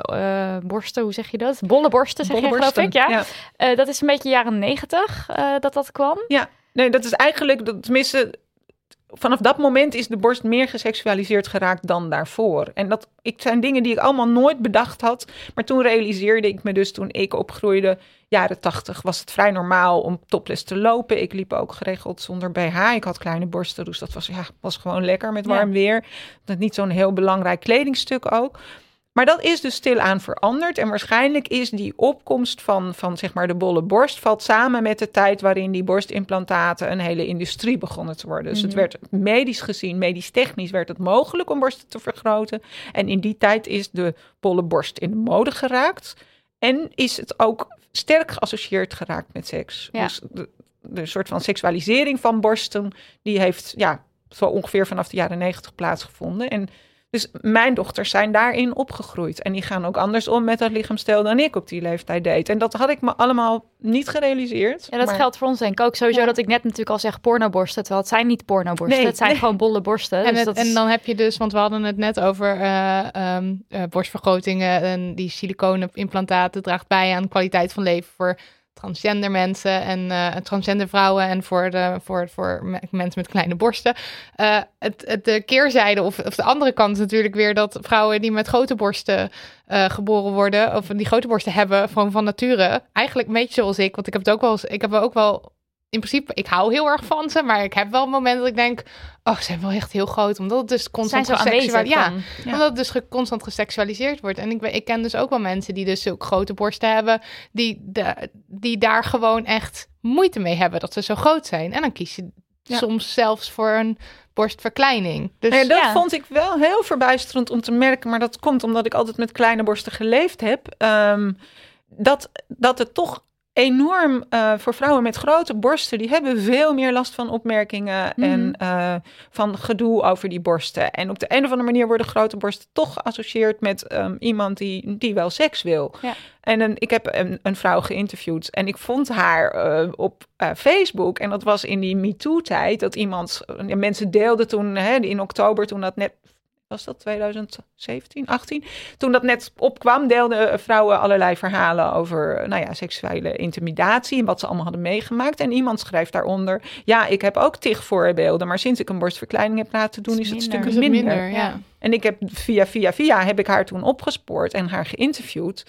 En want ik vond dat een verbazende opmerking. En ik, dat kon ik uit eigen ervaring natuurlijk niet, eh, wist ik dat niet. En toen zei ze, dat was echt verschrikkelijk. Want ik was vrij jong, ik had enorm grote borsten. En ik, ik werd voortdurend daarop aangesproken. Ik weet niet Ja. of dat voor jou ook zo is. Ik word er voortdurend op aangesproken, maar dat is, ik vind het niet zo heel vervelend. Of tenminste, ik kan ermee dealen. Maar ik snap, ik kan wel heel goed me voorstellen dat je dat op een gegeven moment helemaal zat bent. En dat je dan denkt, fuck it. Ja, iemand had, ook als een soort een noot eh, naar ons gestuurd van dat er een gebrek aan representatie van grote borsten in de mainstream media is. En ook als ik dan nu zo nadenk van oké, Ja. vrouwen met grote borsten, dat zijn wel vaak karakters in bijvoorbeeld series die, gewoon dus wel heel seks zijn, Ja, ja. dus bijvoorbeeld eh, Modern Family, hoe heet ze ook alweer? Ja, Zij Gloria. is fantastisch, Gloria. Ja, zij zij heeft bijvoorbeeld grote borsten. En dan is dus de, de huismoeder, die heeft inderdaad kleinere borsten. Ja, nee, dat de is Claire zo. heet zij dan, geloof ik. En dus er is een soort van ideale marge of zo van borsten. En dan denk ik dat dan mensen een beetje denken in cup B en C. Die je dan hebt waar je dan blij mee bent of zo. En dan eh, vanaf D eh, wordt het opeens het idee is dan dat het groot is. Trouwens, er is ook zoveel... Daar kan ik me dus eventjes heel erg over opwinden nu. Over die, over die borsten, over die maten, over die cupmaten. Want ehm, ehm, ik... dat dubbel D in zeg maar ons normale taalgebruik wordt gezien als super grote borsten, is echt zo raar. Want ik ben er dus zojuist achter gekomen dat ik cup eh, 70 J heb. En dat is gewoon, dat klinkt gigantisch, maar ik heb ook gewoon borsten. Ja, Het zijn gewoon hele normale. gewoon borsten. Het zijn niet dat die hier zo nu zo over de tafel. Deinzen. En ik, en ik, ik, En ik al was word- het zo. Maar, ik Ja. word, ja, nee, ja, maar ik word dus een beetje moe van het idee dat ze dus ook niet te groot mogen zijn. Nee, en ik heb dus ook vriendinnen die zich eh, schamen voor een, een cupmaat E. En die dus zich niet laten opmeten ergens uit angst dat ze misschien toch een grotere cupmaat hebben nog. Want dat willen ze dus niet. En dat vind Oh. ik dus ehm, ik, ja, ik- niet, niet dat ik het hen kwalijk neem, maar ik vind het dus heel kut dat dat idee in de, in de Ja. Maatschappij ja, we hebben een hele soort van smalle marges. En dat was natuurlijk voordat die plastische chirurgie bestond. Dus toen ik opgroeide, was het van, nou, je moest het doen met wat er toevallig begon te groeien. Want dat groot of klein was. Dus er was... Er waren natuurlijk was minder een beeldsamenleving. Dus ik had ook niet zoveel borsten gezien. En je had niet. Ja, niet, dat heb eh, je ook in je boek staan, toch? Met 10.000, wat is het? Nou, een meisje van 17 nu, Ja? op de- in deze tijd, is op 17-jarige leeftijd al blootgesteld geweest aan 250.000 aan Oh, schoonheidsgerelateerde zoveel. beelden. Ja, dat, Dat zijn cijfers die Lisbeth Moertman noemt. Dus dat is echt gigantisch. En als je dat vergelijkt met, met nou ja, de tijd waarin ik dan ben opgegroeid. En wij Dan ook is nog, dat, denk en ik wel. jullie misschien ook nog. Maar we hebben met dank aan eh, de mogelijkheid om iets te verknutselen aan je lichaam. En dat geldt niet alleen voor borsten. Hebben we een soort van normen en ideaalbeelden. Die zijn er ook blijkbaar voor schaamlippen. Dat, dat je dus ongeveer zo moet het eruit zien. Is het wat groter of kleiner, dan heb je een probleem. Maar daar kun je gelukkig wat aan laten doen. Ja. Ik interviewde een meisje van een jaar of 13, 14 over dat proces van borst te krijgen. En die zei echt zo in een bijzin van nou ja, ik hoop niet dat ze al te klein blijven. Want dan kan ik me wel voorstellen dat je er iets aan laat doen. Ja. ja. Dus de gedachte er iets aan laten doen, wordt al heel vroeg geplant in de hersens van hele ik jonge had het meisjes. ook. Ik zag, ik had, maar ik zag het altijd als een soort uitweg altijd vroeger. Van, Dat eh, kan ik dan tenminste nog doen. Ja, dat kan ik ja. dan doen. Of als ik genoeg geld heb en het is dan nog steeds zo en ik zit ermee, dan laat ik ze liften. Was het bij mij dan altijd. Of, eh, Ja, of want hang, zoiets. ja, hangborsten mag dan ook weer niet. Nee. Ja. Nee. nee, maar er is dus heel veel wat dan zogenaamd buiten... Eigenlijk vallen bijna alle echte normale borsten buiten de orde. Hè? Want dat Ja. ideaal wat we hebben, dat is wel een... Dat is een borst inderdaad van bepaalde omvang, maar ook van eh, een bepaalde textuur en Ja. huid en zo. Dus als je boven de, weet ik wat, 40 bent, val je sowieso alweer uit prijzen. Want dan is het ook niet meer de ideale borst. Ja. Dus- En er kan ook Het zoveel een heel- misgaan met tepels. en er kan heel veel misgaan met tepels, ja.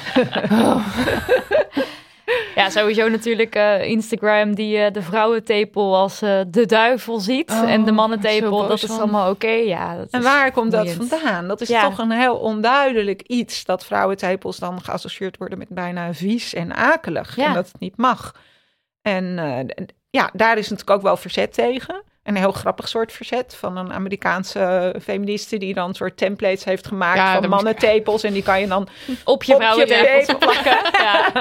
Hilarisch, ja. Dat vind ik dan wel heel leuk verzet. Maar ondertussen is het nog steeds niet veranderd. Nee. En er is wel een kentering gaande, denk ik. Maar ja, het want is nog niet. Dat wou ik zeggen, want hoe ik er zelf vroeger naar keek, vroeger, een paar jaar geleden, niet eens zo lang geleden, dat je je tepels mogen niet zichtbaar zijn. Dat is gewoon punt één. En ik had dan ook op een gegeven moment wilde ik wel ehm, niet altijd een BH aan. Dat was al eigenlijk een heel ding. Maar dan had ik tepelcovers. Dat zijn een soort siliconen pads met plakspul die je dan op je tepels kan plakken. En dan kan je dus een shirt aan zonder BH en dan zie je je tepels niet.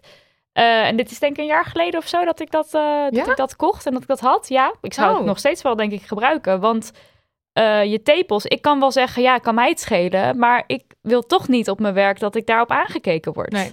Dus het Ja, is ook makkelijk dat om dus te zeggen... hè? Ja. Dus dat wat er in de cultuur blijkbaar ehm, nu gebruikelijk is, dat neem je over. Dus, en dan, dus je eigen gevoelens over iets best wel normaals en ook ontzettend handigs, namelijk tepels. Ja, leuk tepels. En die maar- worden beïnvloed door, die, door, die, eh, ja, door wat er in onze cultuur nu leeft Ja. rondom tepels. En dat is ontzettend triest. De, de, zeg maar de manier waarop tegen borstvoeding aan wordt gekeken, wordt hier ook door beïnvloed. Ja. Dus er wordt meer. Toen ik kinderen kreeg, dat is zo'n kleine twintig jaar geleden. Toen heb ik in elk geval, als ik ergens in een cafeetje of in het park.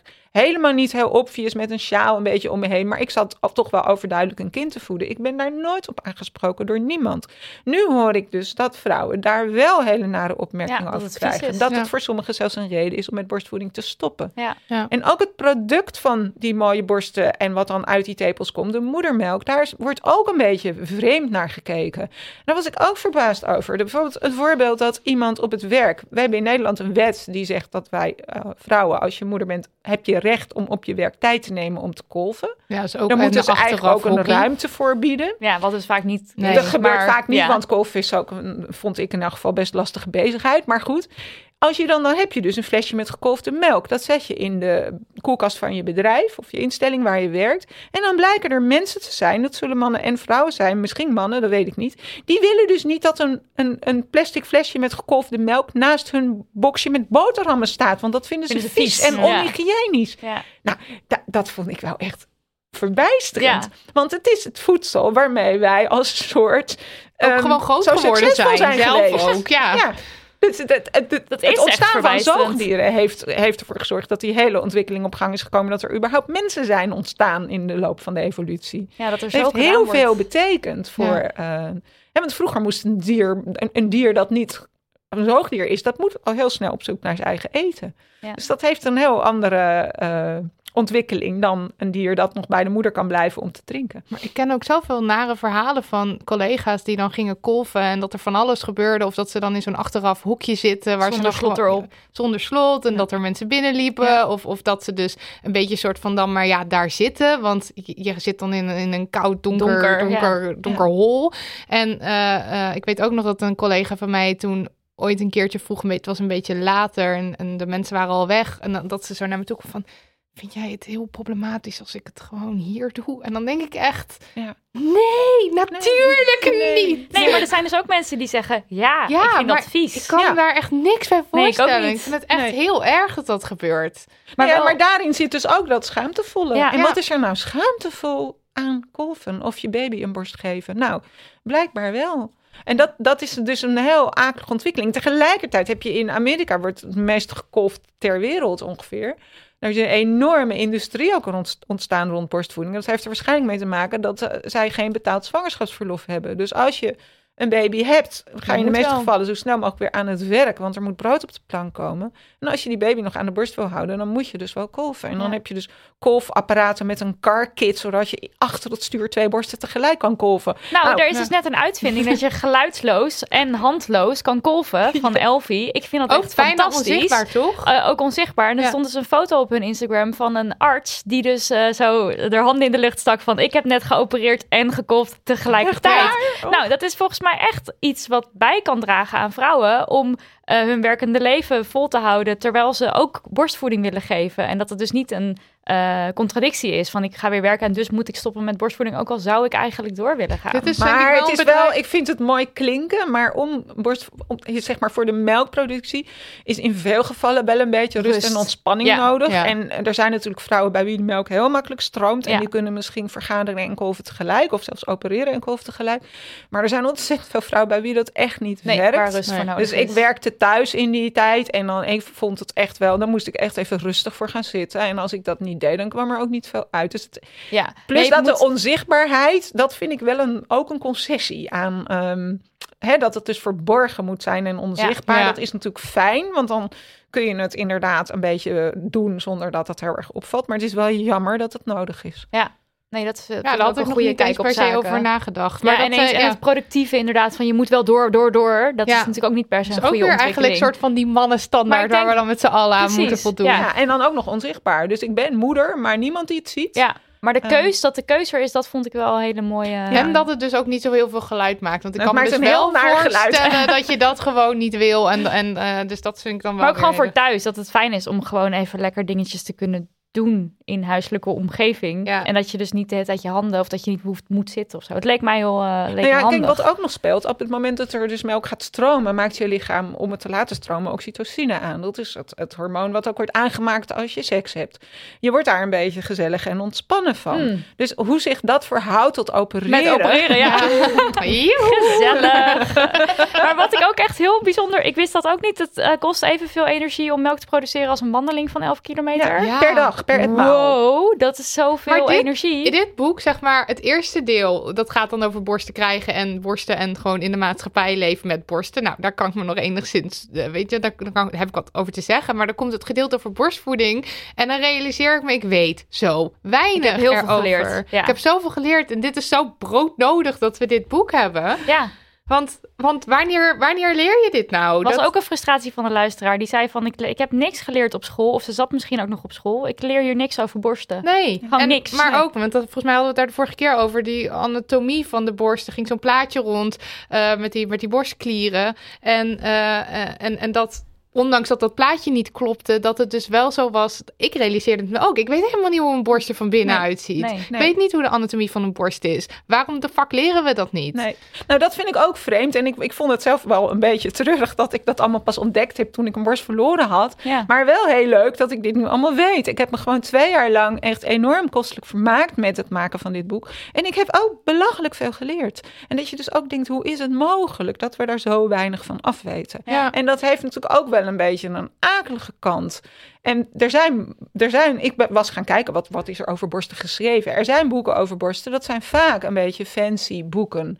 Eh, van, van leuk borsten en lingerie en zo. Een beetje half stoute boeken. Er zijn boeken over borstvoeding, maar die zijn expliciet voor... Nou ja, als je zwanger bent, ga je dat misschien lezen. En er zijn boeken over borstkanker. Die ga je lezen als je die ziekte hebt. Maar heeft iemand ooit het verhaal van borst in zijn geheel verteld? Ik heb zo'n boek nog niet Nee, ik ook Nee, niet. Daarom ook niet. het Daarom geweldig vind ik dat je het gemaakt ja. Ja. Dus dat, het is raar dat dat er niet is, Ja. omdat het een, een intrigerend lichaamsstijl is. Absoluut. En het heeft heel veel kanten waar we dus ontzettend weinig van weten. En er zijn wel mensen die zeggen, nou ja, dat verhaal over die borstvoeding, dat lijkt me nou het minst interessante van het boek. Want ik heb daar toch niks mee te maken. Maar Ja. daar krijgen we toch, veel vrouwen krijgen daar wel mee te maken. Alleen al bijvoorbeeld dat stukje waar jij vertelt. Ja, volgens mij jij vertelt het over dat de eerste keer eh, borstvoeding dat het pijn deed. Dat er een pijnscheut door je Ja. heen ging. Oh ja, dat die is gewoon, ik Ja, vond dat- dat, dat, stel je je niet voor. Dat is geen idee. Het ziet er allemaal heel liefelijk en leuk uit. Ja, en ik maar- zou Maar- eigenlijk ook wel Ja, gewoon graag dat- weten dat dat zo is. Ik vond dat wel een grote ontdekking. En ik moet zeggen, tijdens je zwangerschap, ik, ik, in de tijd dat ik zwanger was, was er heel veel aandacht van hoe ga je dat doen, zo'n bevalling en met pijn en dit en dat. Het was heel erg gefixeerd daarop. En dan heb je een baby. En, maar die borstvoeding kwam weinig ter sprake in die voorfase. In de boeken die ik had over zwangerschap ging het ook weinig daarover. Dus ik begon daar tamelijk onvoorbereid aan. En ik dacht inderdaad dat het er pastelkleurig uit zou zien. Ja, je hebt toch een soort bijna Madonna-achtige beelden daarbij van moeder met kind en hoe lieflijk en zo Ja. het is vrij ehm, dierlijk, vond Ja, ik ja. uiteindelijk. En het is een vrij ruig proces, zal ik bijna zeggen. Dus dat, dat kind, dat moet overleven op jouw melk. En die zorgt dat het die melk krijgt. Dus Ja. die Bijna parasitair. van zo'n... Ja, dat is het ook. Laten we wordt, er even een woord in ja, gooien. er wordt van jouw lichaam wordt gegeten. Ja. Ja. En dat, is, dat, is, dat kun je bijvoorbeeld bij dieren kan je dat nog veel beter zien. Er zijn dus zeehonden die maar vier dagen borstvoeding geven. In die vier dagen wordt het jong vier keer zo zwaar. Wow. En daarna is de moeder uitgeput en vermagerd. Ja. En heeft heel veel tijd nodig om een beetje bij te komen. Ja, Oh, echt zombiekind. Dus je wordt in wel, het is een beetje, ja, je wordt opgegeten enigszins. Dus dat, dat moet je wel realiseren. Als je dan bedenkt dat je elke dag dat je borstvoeding geeft, de energie nodig hebt die parallel is aan een wandeling van 11 kilometer, wat Ja. jij net al zei. Dat is nogal wat. En dus ook de- in dat licht vind ik het vrij vreemd dat we dat kolven dan onzichtbaar en terwijl we Ja. doorwerken zouden moeten doen. Want het is toch niet niks. Je Nee, lichaam moet de voeding zwaar. voor een nieuw persoon aanmaken. Ja, plus ook wel eh, het oordelen over het al dan niet borstvoeding geven. Dus vanuit de World Health Organization Ja. wordt dan twee jaar aangeraden. Twee jaar. Weet ik ook dankzij jouw boek. Ja.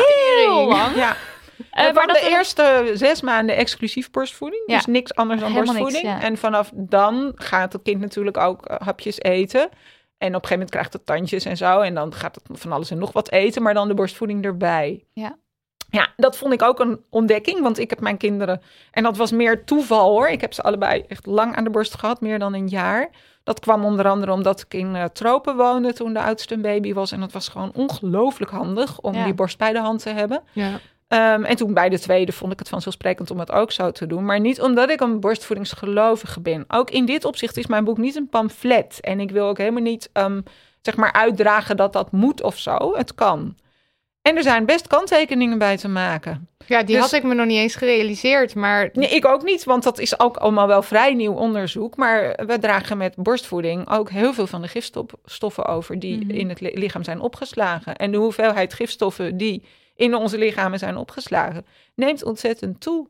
Er zijn heel veel akelige chemicaliën in het milieu, de plastics en, en allerlei gifstoffen in, in nou ja, verpakkingsmaterialen, maar ook in ons voedsel. ja, die, zitten, Dat, die, worden allemaal- vaak in vet Ja. opgeslagen. En moment bestaan voor een aardig deel uit vet. En op het moment dat je borstvoeding gaat geven, wordt dat vet wordt dus gebruikt om die melk aan te maken. Dus een eerste kind krijgt een heel groot deel van de, dus ze noemen dat de body burden, dus de last aan giffen die je in je lichaam hebt. Je draagt een fors deel daarvan, baf, over op dat pasgeboren Dat is een heel eng idee dit. Dat is een ontzettend eng idee. Ja. En het heeft in Noorwegen, Noorwegen is kampioen borstvoeding in de wereld. Ja, 95 procent. Ja, ja, Wow. echt heel veel. Maar daar is dus veel discussie geweest of dat advies van een heel jaar borstvoeding geven, of ze dat niet toch moeten aanpassen Ja.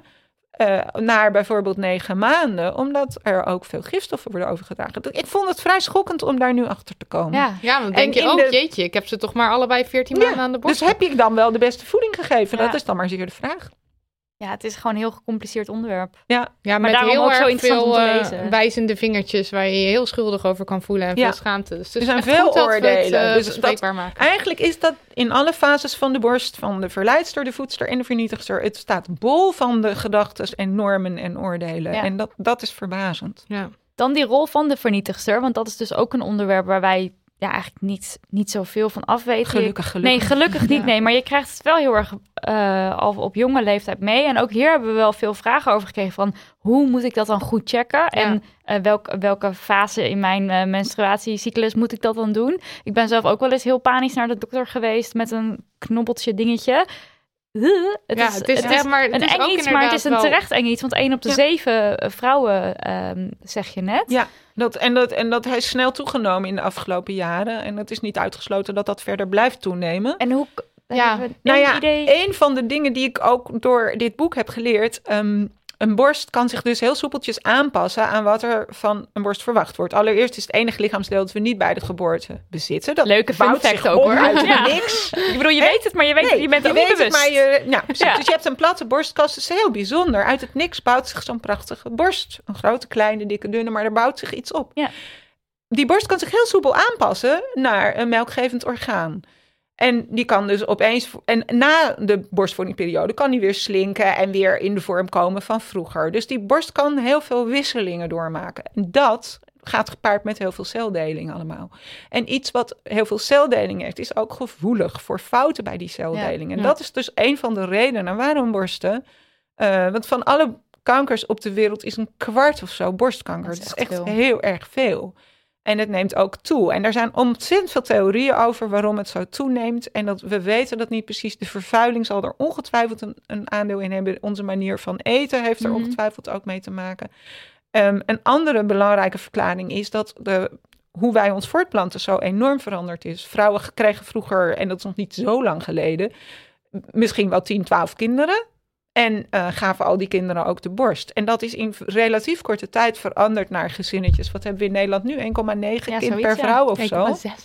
Eh, die over het algemeen ook, als ze al borstvoeding krijgen, dat helemaal niet zo lang krijgen. Mhm. Want als je weer aan het werk moet en alle kolfellende, veel vrouwen houden het dan voor gezien. Ja. Dus onze, en we krijgen heel laat kinderen in Nederland, maar ook in heel veel andere westerse landen. Hè, vroeger was dat, ja, je was vruchtbaar en dat begon toch wel op je 19e, 20ste, was een Mhm. eerste zwangerschap, was natuurlijk geen uitzondering. De verzamelde, hij zegt, al die effecten bij elkaar, die kunnen heel goed ervoor zorgen dat, ehm, dat borstkankers veel meer voorkomt. Dit kunnen we allemaal niet veranderen. We kunnen niet nu tegen jonge meisjes gaan roepen, weet je wat, vast. ga op je 19e een kind krijgen en doe er een stuk of acht. Ja. En dan ben en je geef ze allemaal de borst. Want Dan dat- ben je waarschijnlijk beter beschermd. Ja. Dus op dat niveau kunnen we niet veel veranderen. Dus de adviezen die we dan wel kunnen doen, die hebben te maken met beweging, voeding en, en ja, eigenlijk de bekende adviezen die tegen allerlei ziektes beschermen. Eh, daar kun je nog wel wat aan doen. Ik merk aan mijn eigen dochters, die nu begin 20 zijn, 19 en 21 zijn ze, dat zij, en hebben natuurlijk dit meegemaakt in hun kindertijd, een, een moeder met borstkanker, dat zij denken van, nou ja, een, een vroeg, relatief vroege zwangerschap, zo rond 25, dat is misschien toch wel een goede manier om de kansen te verkleinen. Maar dat zijn wel, ik vind dat wel heftig dat je dat soort dingen moet gaan bedenken. Ja. En dan leg je mensen op een, een of andere manier toch wel weer wat op. Ik, denk, Ja. ik dacht ook toen ik het las, wauw, oké, dan ben ik rijkelijk laat nu, want eh, dat, eh, dat heeft dan al geen zin meer. Nee. Nou ja, weet je, dat, dat moet je eigenlijk ook, ja, ik wist het ook niet hoor, dus ik, ik, val ook in die categorie. Ja. Ehm, En dat betekent ook niet dat je dus borstkanker Nee, krijgt. nee, het is gewoon, nee. het zijn Of dat je allemaal... het niet krijgt, Ja. als, je het wel, als het wel zo Het is Ja. gewoon niet, ja. Nee. Nee, maar goed, dit zijn, ze dus een, er, is een he- er zijn een heleboel factoren die waarschijnlijk een rol spelen bij ehm, nou ja, dat borstkanker zoveel voorkomt. Ja. over dat voelen Ja. hè, van, van borsten, daar Ja. zijn de meningen over verdeeld onder medici. Dus er zijn er die dat aanraden om, om borstonderzoek te doen. Dat is nog best wel lastig. Dan kun je op het internet wel allemaal vinden hoe je dat moet doen en hoe je dat moet voelen. Maar er zijn ook die zeggen van het heeft niet zoveel zin. Dus dat daar, de, je kunt dat doen, maar het is niet helemaal duidelijk wat de winst daarvan is. En de meningen zijn er ook over verdeeld of je het moet doen. Of Ja. het niet heel veel onrust geeft en ook heel veel keren naar een dokter hollen terwijl er eigenlijk niks aan de hand Dat is. had Want ik borsten heel erg zijn hobbelig van zichzelf. Ja. Ja, En vlak voor een ongesteldheid zijn ze vaak helemaal een beetje knobbelig. Ja, dat is allemaal doodnormaal. pijnlijk. En dan, En juist dan ga je natuurlijk denken van, oh, er is van alles aan de hand. En als je een hypochonder bent, zoals ik, dan ga je inderdaad drie keer in de week of zo naar de dokter. Want Ja. dan denk je, er is iets. Ja. Nou ja, en, en tegelijkertijd kun je ook zeggen van... leer je eigen borst kennen, weet hoe ze normaal voelen... dan, dan ontdek je ook als er iets aan de hand is. En Ja. kijk ook naar je borsten, want daar kun je ook veel aan En aan je zien. tepels kan En je ook veel zien, hè? Ja. En ik heb zelf twee keer eh, een borstkanker gehad. En beide keren heb ik dat gevoeld zelf. En beide keren was het zo onvoorstelbaar overduidelijk... dat dit iets anders was dan anders. Dat er geen, voor mij geen twijfel over bestond. Oh ja. Ja, dus jij Dus zou dat- zeggen, je ik- herkent het. Ik denk dat... Maar goed, Dat weet je niet. Het zat bij mij redelijk aan de oppervlakte. Dat Ja. was mazzel. Had het dieper in de borst gezeten, had ik het niet ontdekt. Nee. Maar hoe gaat je, je voelt... De, Ja, ik was als je gewoon- daar iets over wil vertellen. Maar ik wil er best wat over vertellen, maar het is ook nog zo dat borstkankers allemaal weer heel verschillend Tuurlijk, voelen. ja. Ja. Dus de mijne, toevalligerwijs, was een soort hartknikkertje. ja. En de tweede keer was het een beetje, dat voelde heel anders. Was het een soort van plakje en een beetje taaiig, rubberig, maar niet zo Ja. keihard als de eerste keer. Dus je kan er eigenlijk wat dat betreft niet zoveel over zeggen. Maar als je weet hoe je borsten normaal ongeveer voelen, doordat je gewoon natuurlijk. zo nu en dan wel aanraakt. Ja. En als je weet hoe ze er normaal uitzien, dan is het gewoon heel verstandig om bij verandering, zowel in het zien als het voelen, even een arts te laten kijken. Ja. Dus ik denk dat dat is het dan het belangrijkste dat je vertrouwd bent met je Ja, borsten. maar dat is sowieso iets wat we natuurlijk eigenlijk Ja, altijd tippen. Ook rondom masturberen en zo. Leer je lichaam Ja, kennen. En ja. zie het niet als, oh, mijn borsten die durf ik eigenlijk niet aan nee, te ja, raken. nee. Het is juist goed om daar... eh, Ja. Ja. Nou, en de andere kant is ook nog wat ik best veel heb teruggehoord van vrouwen die dan een, iets voelen van een knobbeltje, zoals we dat dan noemen. Mhm. En die dat zo ehm, ontzettend bedreigend vinden dat ze dat eh, onmiddellijk weer wegduwen en daar nog heel lang mee rondlopen Oh, voordat ja. ze naar een dokter durven gaan. Dat is wel verschrikkelijk jammer. Het Ja. is toch wel, als je iets voelt waarvan je denkt, oeh, ik weet niet wat dit is, ik ken dit niet, is het toch wel heel verstandig om de moed op te checken. brengen Ja. Ja. om wel naar een dokter te gaan. Liever tien keer voor dat er niks aan de hand is dan één keer. Ja. ehm, dus en praat daarover, want ook dat is dus dat dat is misschien wel heel erg lastig en het is ook heel erg bedreigend om om erover te praten. Ja. Maar dat betekent wel dat je het serieus neemt en Ik heb het Eh, toen ook zo expres, toen ik dat dan, toen ik iets voelde, heb ik het expres tegen ja. best wel veel mensen gezegd. Omdat ik dacht van ja, misschien dat mijn vriendinnetjes dit ook wel een keer hebben meegemaakt. En dat ze het nooit hebben durven zeggen of iets. Of ook tegen jongens, de- ja, deal with it. Ik moet ermee dealen. Het is toch goed dat, dat we het erover hebben. Ja. En dat er dan ook uitkomt van nou, er is niks aan de hand. Dat we het daar ook over hebben. Dus Ja. gewoon dat het iets is wat in je leven kan gebeuren. En ja, we kijken zonder wat de uitkomst dus is. de hele dag zorgen over hoeft te hebben, is het wel handig om er gewoon op te letten. Ja, Dat, is denk ik het beste advies. En eh, elke maand dat hele onderzoek bij jezelf doen. Ja, misschien voor sommige vrouwen is dat misschien wel heel, heel, heel verstandig om te doen. Maar niet, je zou het ook niet hoeven opleggen, denk ik. En, Nee. en van medische zijde zijn ze er echt niet over eens of dat nuttig is. nee. En dan krijg je in het ergste geval dus een slechte diagnose. Dan kom je ook weer in een hele, voor mij totaal onbekende wereld. Dat is echt. Want niet alleen het gedeelte, het medische gedeelte en de behandelingen, maar ook daarna. Want dat zinnetje waar jij mee begint van uw borst moet eraf, maar we kunnen een nieuwe maken, is natuurlijk. Daarna bespreek je alle andere opties die er ook zijn. En er, er ging echt een wereld voor me open. Ja, dat, dat vond ik ook wel grappig. Want ik, ik wist dat ook niet toen ik die wereld betrad. Maar er zijn natuurlijk heel veel mogelijkheden om, om te doen alsof je wel borsten hebt. En onze oma's en, en moeders, die, als die een borst verloren, dan deden ze een paar oude sokken in hun BH of een zakje rijst. En dat was ongeveer wat er voorhanden was. Maar de, de, dus de meeste vrouwen hadden toch een beetje moeite met eenzijdig plat zijn of helemaal plat zijn. En je wilt, dat heb ik zelf eerlijk gezegd ook. Ik vind het niet zo fijn om in de buitenwereld meteen hup, dat iedereen kan zien dat ik die ziekte heb gehad. Er zijn ook vrouwen die dat wel doen. En ik vind het ongelooflijk stoer. En er is zelfs, en er is maar één, ontwerpster van eenborstige lingerie Ja, in ik vind dat geweldig. Ja, ik ben daar echt. Ik moet het nog even opzoeken, maar het Ja. lijkt. Het Nou, lijkt heeft een Ook hele... omdat jij, zei, omdat jij schrijft, ik vond het echt enorm sexy. En ik kan me echt van Ja. alles bij voorstellen. Nou ja, dat vond ik heel bijzonder. Want ze vertelde dus, ik heb haar geïnterviewd. ehm, en ze vertelde dat ze op een gegeven moment van een klant die eenborstig is. Die zei, ja, ik heb een date. En dat gaat binnenkort ertoe leiden dat we samen de nacht gaan doorbrengen. Maar ja, ik mis één borst. Ehm, kun jij iets voor me maken dat die andere borst, hè, dat de nadruk valt op de borst die ik wel heb? En toen heeft zij dus een, een prachtige zwartkanten bij haar gemaakt met één cup. Aan de ene kant, dus waar, de, waar het litteken zit, waar de borst is weggehaald, daar zit een enorme strook zwart kant. En dan zit er aan de andere kant een cup en die is zwart kant en met rode accenten. En het midden is bloot. Dus de, de, de tepel en het midden van de borst komen uit dat zwarte kant tevoorschijn. Ja, gewoon heel sexy. Zij liet mij de foto's daarvan zien en ik dacht, ja, dit is helemaal niet zielig. Dit is echt hartstikke sexy. Ja, En dat is wel heel, ik vond het ook wel heel stoer van die vrouw om, om daarvoor iets te laten maken voor een Ja. feestelijke eerste nacht, waarbij het dus niet zozeer ging om er is er een weg, maar kijk wat een mooie borst ik nog wel heb. ja. En dat kan dus wel. ja, mooi dat het er is. Ja. Ja. Ik weet, ik, ik weet het eventjes niet meer. We zitten gewoon helemaal op hol van het onderwerp. ja. En, ja, ehm, er zitten zo belachelijk veel kanten aan borsten. ja, het is echt Ja. gewoon veel groter dan je, dan je in eerste instantie denkt. ja, en, en dat denk is dat denk ik de- ook wel een van de grootste dingen die je, die je zelf geleerd hebt. eh. Dat tijdens vond ik echt heel toch? erg leuk om te ontdekken. En dat je er ook op heel verschillende manieren naar kunt kijken. Ehm, en wat me eigenlijk wel het meest verbaasd heeft, is dat het zoveel met zien en gezien worden te maken heeft als het over borsten gaat. Dat is eigenlijk ook in het gesprek wat wij nu voeren, staat dat enorm op de voorgrond. Ook Ja. al die zorgen van jonge vrouwen over zijn ze wel mooi genoeg. klein, Ja. Die hebben te maken met dat wij een soort beeld hebben van hoe ze eruit moeten zien. Ja. En het beeld van wat we hebben van hoe ze moeten voelen, dat is allemaal wat minder eh, aan de orde. En dat heeft ook wel met de cultuur te maken. Die is heel erg gericht op zien. En onze cultuur is erg gericht op maakbaarheid. En Ja. door die plastische chirurgie valt er een hele hoop te knutselen. En het is echt ongelooflijk indrukwekkend wat ze allemaal kunnen. Maar het gaat natuurlijk ook wel ten koste van. eh, het in mijn geval was het eh, alleen maar mogelijk om een nieuwe borst te knutselen met behulp van een rugspier in combinatie met een siliconenprothese.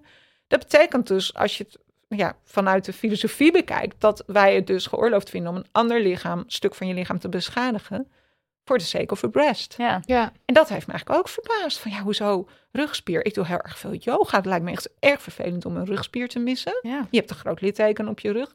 Het is een rugspier met een huideiland. Ik had het hele woord huideiland nog, nooit, gehoord. Maar dat wordt dus weggehaald uit je rug. En daarvan wordt dan, eh, wordt dan een borst gemaakt. Ik, maar goed, dat is ook iets van mij. Ik, ik voel me daar innerlijk al misselijk van worden. En ik heb een filosoof hierover ook geïnterviewd. Die zei, dat hangt ook vanaf hoeveel vreemdheid je kan verdragen in of aan je lichaam. En dat is per persoon verschillend. Dus er zijn mensen die daar veel verder in kunnen gaan. En die, die zonder problemen allerlei plastische chirurgische ingrepen doen. Die dat niet erg vinden. Maar er zijn ook mensen die daar een beetje innerlijk van gruwen. Ja. ja. En dat, ook daarin zijn dus grote verschillen tussen mensen. Ja. Want zij had een, heel, had een heel fascinerend voorbeeld in haar boek van iemand die een hand mist, die een hand heeft verloren met een of andere enge machine. En daar is, met die persoon is de eerste handtransplantatie ter wereld gedaan. En dat was natuurlijk ontzettend spectaculair. Dat moet je dan helemaal weer zo vastmaken dat het ook een, een hand wordt die kan bewegen. Dat was allemaal gelukt. Dus die man leefde verder met een nieuwe hand van een ander. Ehm, en iedereen was vreselijk trots en blij daarmee. Maar die man kreeg zelf steeds meer moeite met het feit dat hij de hand van een ander persoon, ehm, die niet meer leefde, dat hij met de hand van een ander leefde. En dat werd voor hem psychologisch zo zwaar dat hij op een gegeven moment, na een jaar of twee, drie, gezegd heeft: haal die Het hand er maar niet, weer af, Ja. want dit kan ik niet aan. Ja. En dat is een heel mooi voorbeeld van, van hoeveel kunnen wij in psychologische zin, hoeveel vreemdheid kan, kun je in je lichaamsbeeld opnemen. Ja. En het is natuurlijk wel zo als het van je rugspier komt of van een lichaamseigen of van een plek van ergens van je lichaam en er wordt een nieuwe borst geknutseld, dan komt het nog enigszins van jezelf. Maar Ja, dan komt het wel van jezelf. En dan is het ook, de voordelen daarvan zijn natuurlijk dat het dan ook warm is. En dat het gewoon Ja. huid is en niet siliconen is. eh, en weefsel. Men- Ehm, dus dat heeft grote voordelen. Maar die plek waar het van geoogst is, of hoe je het maar noemen wil, die is natuurlijk wel beschadigd. Ja. Dus daar moet je, de- als je dat niet erg vindt, dan is het misschien wel een hele mooie oplossing. En er zijn veel vrouwen die een nieuwe borst laten maken van hun buikvet. Want punt is dat je dan wel genoeg buikvet moet hebben. En dat had ik niet. Dus die zeggen, nou, het is eh, twee voor de prijs in één. Ik ben een deel van die dikke buik kwijt en ik heb een nieuwe borst. Dus eh, ja, dat is een goede deal dan. Maar dus de, ook hier- voor hiervoor geldt, er zijn eigenlijk zoveel mogelijkheden en zoveel opties. En daarom vind ik het eigenlijk zo ja, verbijsterend ook weer dat een arts dus begint In met... één zin. Ja, in één zin met hij moet eraf, maar we kunnen een nieuwe maken. Eh, terwijl er zoveel meer vasthangt. aan hangt. Ja. ja. Nee, dat heeft mij ook verbaasd in het hele proces.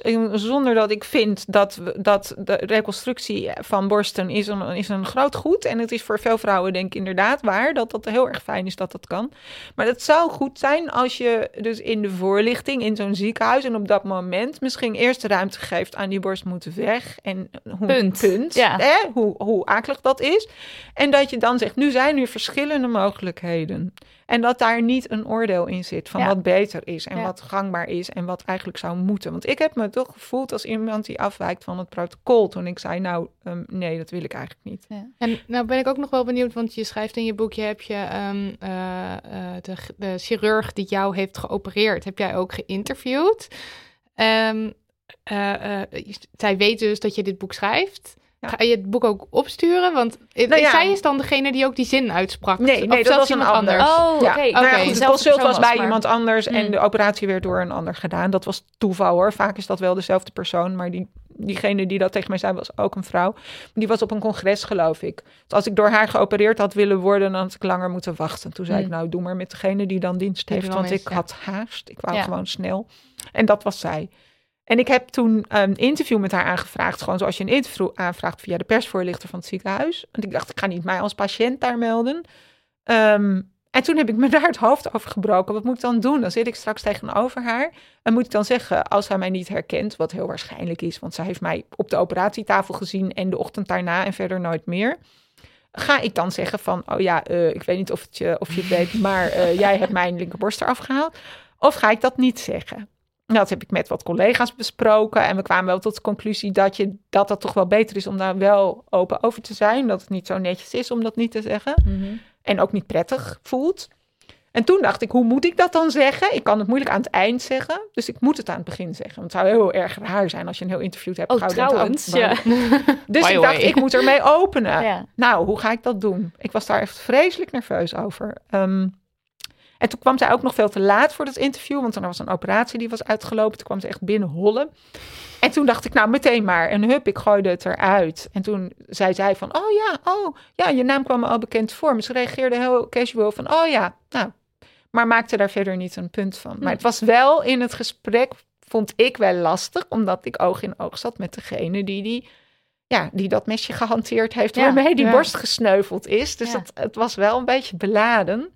En ik wilde van haar weten hoe dat is. Ja. En ik wilde ook weten hoe zo'n operatie in zijn werk gaat. En zij is hartstikke trots op haar vak en met recht en reden. En ze ging mij dus ook echt heel uitgebreid vertellen hoe ze dat doet. En dat moest Dat ik wel... ook. Ja, Nou, dat was heel interessant om te horen. Maar dan moet je dus de gevoelens even uitschakelen. ja, want het is ook met jouw dat borst is ook gebeurd. met mij gebeurd. Ja. En wat zij ook zei, eh, dat zij het heel erg doodzonde vindt als vrouwen ervoor kiezen om plat te blijven. En dat ze het veel fijner vindt om eh, samen met een plastisch chirurg zo'n operatie uit te voeren, waarbij Hmm. die plastisch chirurg meteen een reconstructie maakt. Dus zij legt er ook heel erg, eh, ze legt ook gelijk een oordeel weer aan Ja. vast. Ja. Maar ik Dus denk dat, dan dat ook vond ik in dat gesprek ook een beetje lastig. Heftig, ja. ik ben er Van zo jij één. Ja, precies. Dan zit je daar. En eigenlijk zou je, zou, ja, ik zou zeggen, eh, in ieder geval voor iedereen die, ehm, die iets met borsten die iets te met maken borst heeft. heeft, maar ook misschien met, voor iedereen die de diagnose borstkanker krijgt, dat het soort van verplicht zou moeten zijn voor een arts om dit boek ja. mee te geven en zeggen, you, do- you, you, doetjes, Ja. ga maar eventjes lezen en make up your mind voordat we besluiten wat we gaan doen daarna. Ja. Nee, het heeft natuurlijk allebei voor- en nadelen. En het is absoluut een groot voordeel als je de borstvorm wordt hersteld. En, het- en er zit daar gewoon een heuveltje. Maar het is ook een groot voordeel, vind ik zelf, dat mijn, verder, mijn lichaam verder niet beschadigd is. Ja. Dat de operatie zo eenvoudig mogelijk was. Dat mijn huid daar gewoon eigen en warm is. En dat het gewoon mijn eigen lichaam is, zonder met uh, siliconen dingen erin. Dus je kunt dat gewoon afwegen als een van het is kiezen uit verschillende kwaden. We kunnen een nieuwe borst maken, klinkt iets te optimistisch. Het, de mededeling is dat je je borst kwijtraakt.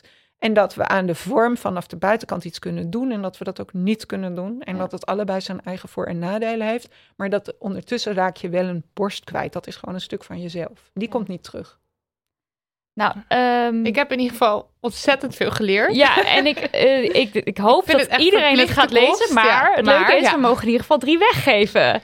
Dus voor alle luisteraars die dus misschien met borsten werken, borsten hebben, borsten leuk vinden, uh, meer willen weten over borsten, je kan een exemplaar winnen. Drie. En dat gaan we ja, nou ja, om één iemand nou alle drie de exemplaren oh, ja, ja, ja, is wat heftig. Nee, we gaan een, uh, een wedstrijd uh, uh, op Instagram zetten. Dus ehm, volg ons daar vooral op, @damhoney het boek, om ehm, het boek te winnen.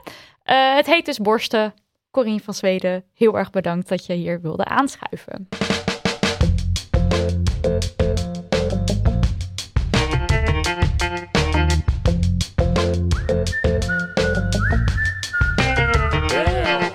komen we bij de afsluiter. Damn honey yes en damn honey no. We beginnen met de no. Marilotte, waar werd jij woest van afgelopen week? Mm, ik wil het eventjes hebben over het beleid van Instagram. Uh, waar ik langzaam maar zeker dus echt laaiend over ben. Uh, in de afgelopen weken is het beleid namelijk aangescherpt. En met aangescherpt bedoel ik eigenlijk super vaag gemaakt um, en onduidelijk. En voor zover ik kan zien ook best wel seksistisch. En Dit is ook dat, dat tepelding wat we net ja, bijvoorbeeld dat vrouwen dus uh, hun tepels niet mogen laten zien op Instagram is een van die dingen. Het werkt ook averechts en uh, eigenlijk zijn vooral vrouwen de dupe van die vage regels.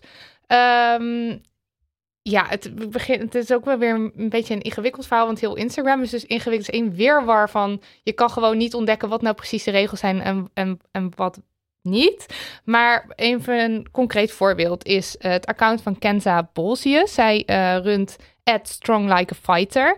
En zij is daar heel erg open over haar psychische problemen. En ze worstelt met depressie, uh, zelfbeschadiging en trauma's van seksueel misbruik. En ze heeft 16.000 volgers die met haar meeleven op dat account. En die leven met haar mee tijdens haar groei en herstel. En het is een platform waar mensen met mentale problemen uh, bijvoorbeeld ook samenkomen voor steun. Het, het, voelt een beetje, als ik haar account bekijk, een beetje zoals bij ons. Het is een veilige community waar je terecht kan, waar mensen respect hebben voor elkaar, uh, troost. En zij probeert volgers ook uh, te inspireren en taboes erdoor breken. En ik vind haar echt heel cool. Dus uh, het is een inspiratiebron voor anderen, maar ook voor haarzelf. Alleen nu heeft Instagram dus besloten dat haar foto's aanstootgevend zijn of storend. En er verdwijnen dus allemaal doodnormale foto's van haar account. Dit zijn gewoon foto's, uh, selfies of foto's met vriendinnen of met huisdieren. En sommige krijgen ook, uh, die verdwijnen niet, maar die krijgen zo'n waarschuwingsscherm uh, met dat, dat er gevoelige inhoud is. En dan dat, dat je dat weet voordat je op oké drukt of je het dus nog wil zien. nou, en ik drukte dus op een paar van die foto's. En dat zijn dus gewoon foto's van, van haar. Maar waarom doet Instagram dat? Zij heeft littekens op haar arm. Dus haar littekens en gewoon haar, haar zijn. lichaam, haar zijn. Uh, als zij met korte mouwen bijvoorbeeld op de foto staat, mag er niet zijn van Instagram. En ik kan me daar echt zo woest over maken. Want volgens Instagram uh, kan het tonen van zelfbeschadiging anderen ertoe aanzetten hetzelfde te doen. Maar deze account is helemaal niet daarop gericht. Het is juist gericht op precies het tegenovergestelde. Namelijk verhalen delen en steun zoeken uh, en troost en herkennen. En zo'n beleid werkt dan dus heel erg averechts. En uh, Kent heeft daar zelf ook wat over, ja, over gezegd. Namelijk dat zij dus heel erg... Het, ja, nou, ze zegt, alleen als ik lange mouwen draag, mag ik er zijn van Instagram. Van Instagram ja. En dat, ik weet niet, ik werd er gewoon zo verdrietig van. En ik kreeg dus ook nog een berichtje van, uh, van Tess. En zij um, test seks, sextoys en, en lingerie en uh, um, um, erotische beurzen bespreekt zij op Instagram. En zij doet dat onder, het, uh, onder de handle testtest met dubbel S. En zij houdt zich volledig, volledig aan de expliciete regels van Instagram. Uh, maar haar account was plotseling verwijderd. En ze zei, dat gebeurt dus echt heel erg veel. Uh, seksbloggers, burlesque danseressen, paaldansers, commerciële meester, meesteressen. Allemaal mensen die zich dus bezighouden met seks of zichzelf sexy neerzetten, maar zich wel aan de regels houden. Uh, die worden opeens verwijderd. Niks, ja, ja, die worden dus verwijderd en die en, en, en om totaal onduidelijke redenen. Dus ik ging Ja. eventjes zoeken naar de regelgeving van Instagram. En ze hebben het dus over inappropriate en over sexually suggestive.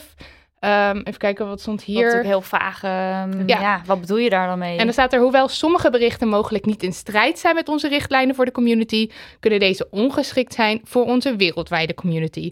En dat is dus zo vaag. En eigenlijk is, ik bedoel, ik kan me al super kwaad maken over het seksualiseren van bijvoorbeeld de vrouwenborst of de tepel. En ik snap echt het idee wel dat je ergens, ergens een lijn moet trekken en dat je regelgeving moet hebben, omdat je dus wil zorgen dat het een veilige community is. Maar dit is vaag en de verkeerde mensen zijn er de dupe van. Ja. Alleen het ding is ook nog, je kan dus niet met Instagram in, contact komen. Nee, het is gewoon klaar. Het is gewoon klaar. Het is, je Verwijderd, kan ze niet bereiken, niks. Dagduizenden volgers die, Precies. die houvast aan jou hebben. Dus het is zeg maar, en, en gewoon ook de goede posts verdwijnen, waarin die informatief zijn bijvoorbeeld. Of eh, weet ik veel, waar, je, waar wordt opgekomen voor rechten en veiligheid van sekswerkers. Dat soort dingen. Gewoon posts waarvan ik denk, dit empowert mensen en dit moet erop blijven staan. Het verdwijnt dus heel erg veel. Nou ja, ik kan me daar heel erg kwaad Het is een over maken. damn honey no. Absoluut. Heel duidelijk. Ja, Ja. media. Ja, ik heb een, eh een damn honey yes die je eigenlijk zelf moet gaan luisteren. Want ik kan het niet eh, helemaal tot in de details uitleggen. Het is een eh, stuk uit aflevering 674 van This American Life. Het is een podcast, een Amerikaanse podcast. Ik werd erop gewezen door mijn collega Jasper. Dankjewel Jasper. En ehm, het is een stuk waarin Nancy Updike, dat is de maker van het stuk... ingaat op het verhaal van Dan Harmon en Megan Gans... En Dan Harmon is een scenario-schrijver en ehm, hij heeft Megan Gans, een eh, collega-schrijver, sexual eh, harassed. Ik weet niet zo goed wat daar de Nederlandse term voor is. Seksueel In- lastig geïntimideerd? Ja, ja nou ja, nou, ja Geïntimideerd, seksueel ja. was ja, geïntimideerd. Eh, zij zaten samen in een schrijfteam en hij had daarin wel een hogere positie. Ook al is het heel erg in die wereld blijkbaar zo van we zijn allemaal gelijk. En, maar eigenlijk is dat dus niet zo. En hij heeft haar twee jaar lang ehm, ja, op een hele vervelende manier behandeld. Hij was verliefd op haar, maar dat ontkende hij eigenlijk tegenover zichzelf en tegenover zijn vriendin die hij toen nog had. Ehm, maar het was wel zo en hij trok dus zijn collega heel erg voor in alles. Eh, nou, dat zij, voor haar is dit heel ingewikkeld geweest. Zij wist niet dat dit op die manier gebeurde. Want als jij heel goed bent in je werk, hoe moet je dan weten of je voorgetrokken wordt omdat jij eh, omdat iemand verliefd op je is, of omdat, of omdat je daadwerkelijk goed bent. Dat is heel ingewikkeld. Eh, op een gegeven moment heeft hij eh, gezegd: Ik hou van je. Dus na, na bijna twee jaar. En toen heeft hij gereageerd dat ze daar absoluut niet van gediend was. En niks verder van hem moest of wilde. En toen is hij helemaal omgeslagen. Dus hij had zoiets in zijn hoofd van: Nou, dan zal je nu merken ook hoe het is om gewoon een schrijver in mijn team te zijn. Dus eh, in plaats van dat haar grappen juist de show haalden, werd zij gesaboteerd. Ze werd belachelijk gemaakt waar andere mensen bij waren. Gewoon helemaal, helemaal omgeslagen. Rancuneus. Nou, dit is voor haar natuurlijk een vreselijk verhaal. Alleen het is ook een verhaal wat vooral in haar hoofd zich afspeelde. Want het is een relatie tussen twee mensen. En zolang die ander niet toegeeft wat er gebeurt, is het eigenlijk heel erg van: gebeurt dit nou echt? Zit het in mijn hoofd? Bleh, het is gewoon heel vervelend. Maar wat nou het bijzondere aan dit verhaal is, is dat deze Dan Harmon ehm, door de tijd heen steeds meer na gaan denken is over wat er gebeurd is. Hij heeft eh, therapie gevolgd, hij heeft een boek gelezen over ehm, je excuses aanbieden. En hij heeft dat dus in eerste instantie geprobeerd te doen op Twitter met een heel subtiel, op een hele subtiele manier. Toen heeft zij gereageerd van nou hiermee, dit is het niet, hiermee ga ik het niet doen. En daardoor is hij aan het denken gezet en uiteindelijk heeft hij een monoloog in zijn podcast ehm, af, is hij afgestoken van zeven minuten waarin hij zijn excuus aanbiedt. En dat wil ik dus heel graag dat mensen dit gaan horen, want het is oprecht een heel goed excuus. En eh, Megan komt zelf aan het woord met wat zij hiervan vond en hoe, eh, hoeveel dit voor haar betekende. Dat hij dus het erkende dat het gebeurd was en dat hij uitlegt waarom. En nou ja, het is gewoon, het is bijzonder dat dit ook zo kan eindigen, zo'n verhaal. En daar wil ik ook een heel klein stukje van zijn eh, excuus laten horen. I never did it before and I will never do it again, but I certainly wouldn't have been able to do it if I had any respect for women. On a fundamental level, I was thinking about them as different creatures. I was thinking about the ones that I liked as having some special role in my life. And I I did it all by not thinking about it. Nou, dit, ik vind dit dus echt zo goed dat hij dit heeft gerealiseerd en dat hij het dus s- durft te zeggen. Ja, hij zet echt zijn trots opzij. Ja, hij zet alles opzij. Hij Ja. geeft haar echt de erkenning van dit is gebeurd. En, en dat heeft voor haar dus heel veel betekend. En ik vind het echt een heel mooi stuk geworden. Dus ga het vooral luisteren. Damn honey, Mm. yes. Dat was hem weer, lieve, lieve, lieve mensen. Dankjewel voor het luisteren. Dankjewel Corine voor het delen van je verhaal. Lees dat boek mensen. Ja, en check dus de Instagram om eh, een exemplaar te winnen. Dankjewel eh Superbra. Super cool dat je onze eerste sponsor wilde zijn. Ik kan niet wachten om er zelf heen te gaan. En dankjewel razend knappe en uiterst intelligente producer Daniel van der Poppen. En ook bedankt de jingle componist, comp componist, componist Lucas, Lucas de Gier, dankjewel. Vind je iets van ons? Laat een recensie achter op iTunes of steun ons via patreon.com slash damnhoney. Of niet, zelf weten. Tot de volgende keer, kids. Doei. Doei. Nog even over die grootse en epische muziektheatervoorstelling. Het achtste leven voor Brilka is een marathonvoorstelling van 5 uur. Koop je tickets voor deze bijzondere theateravond via oostpol.nl.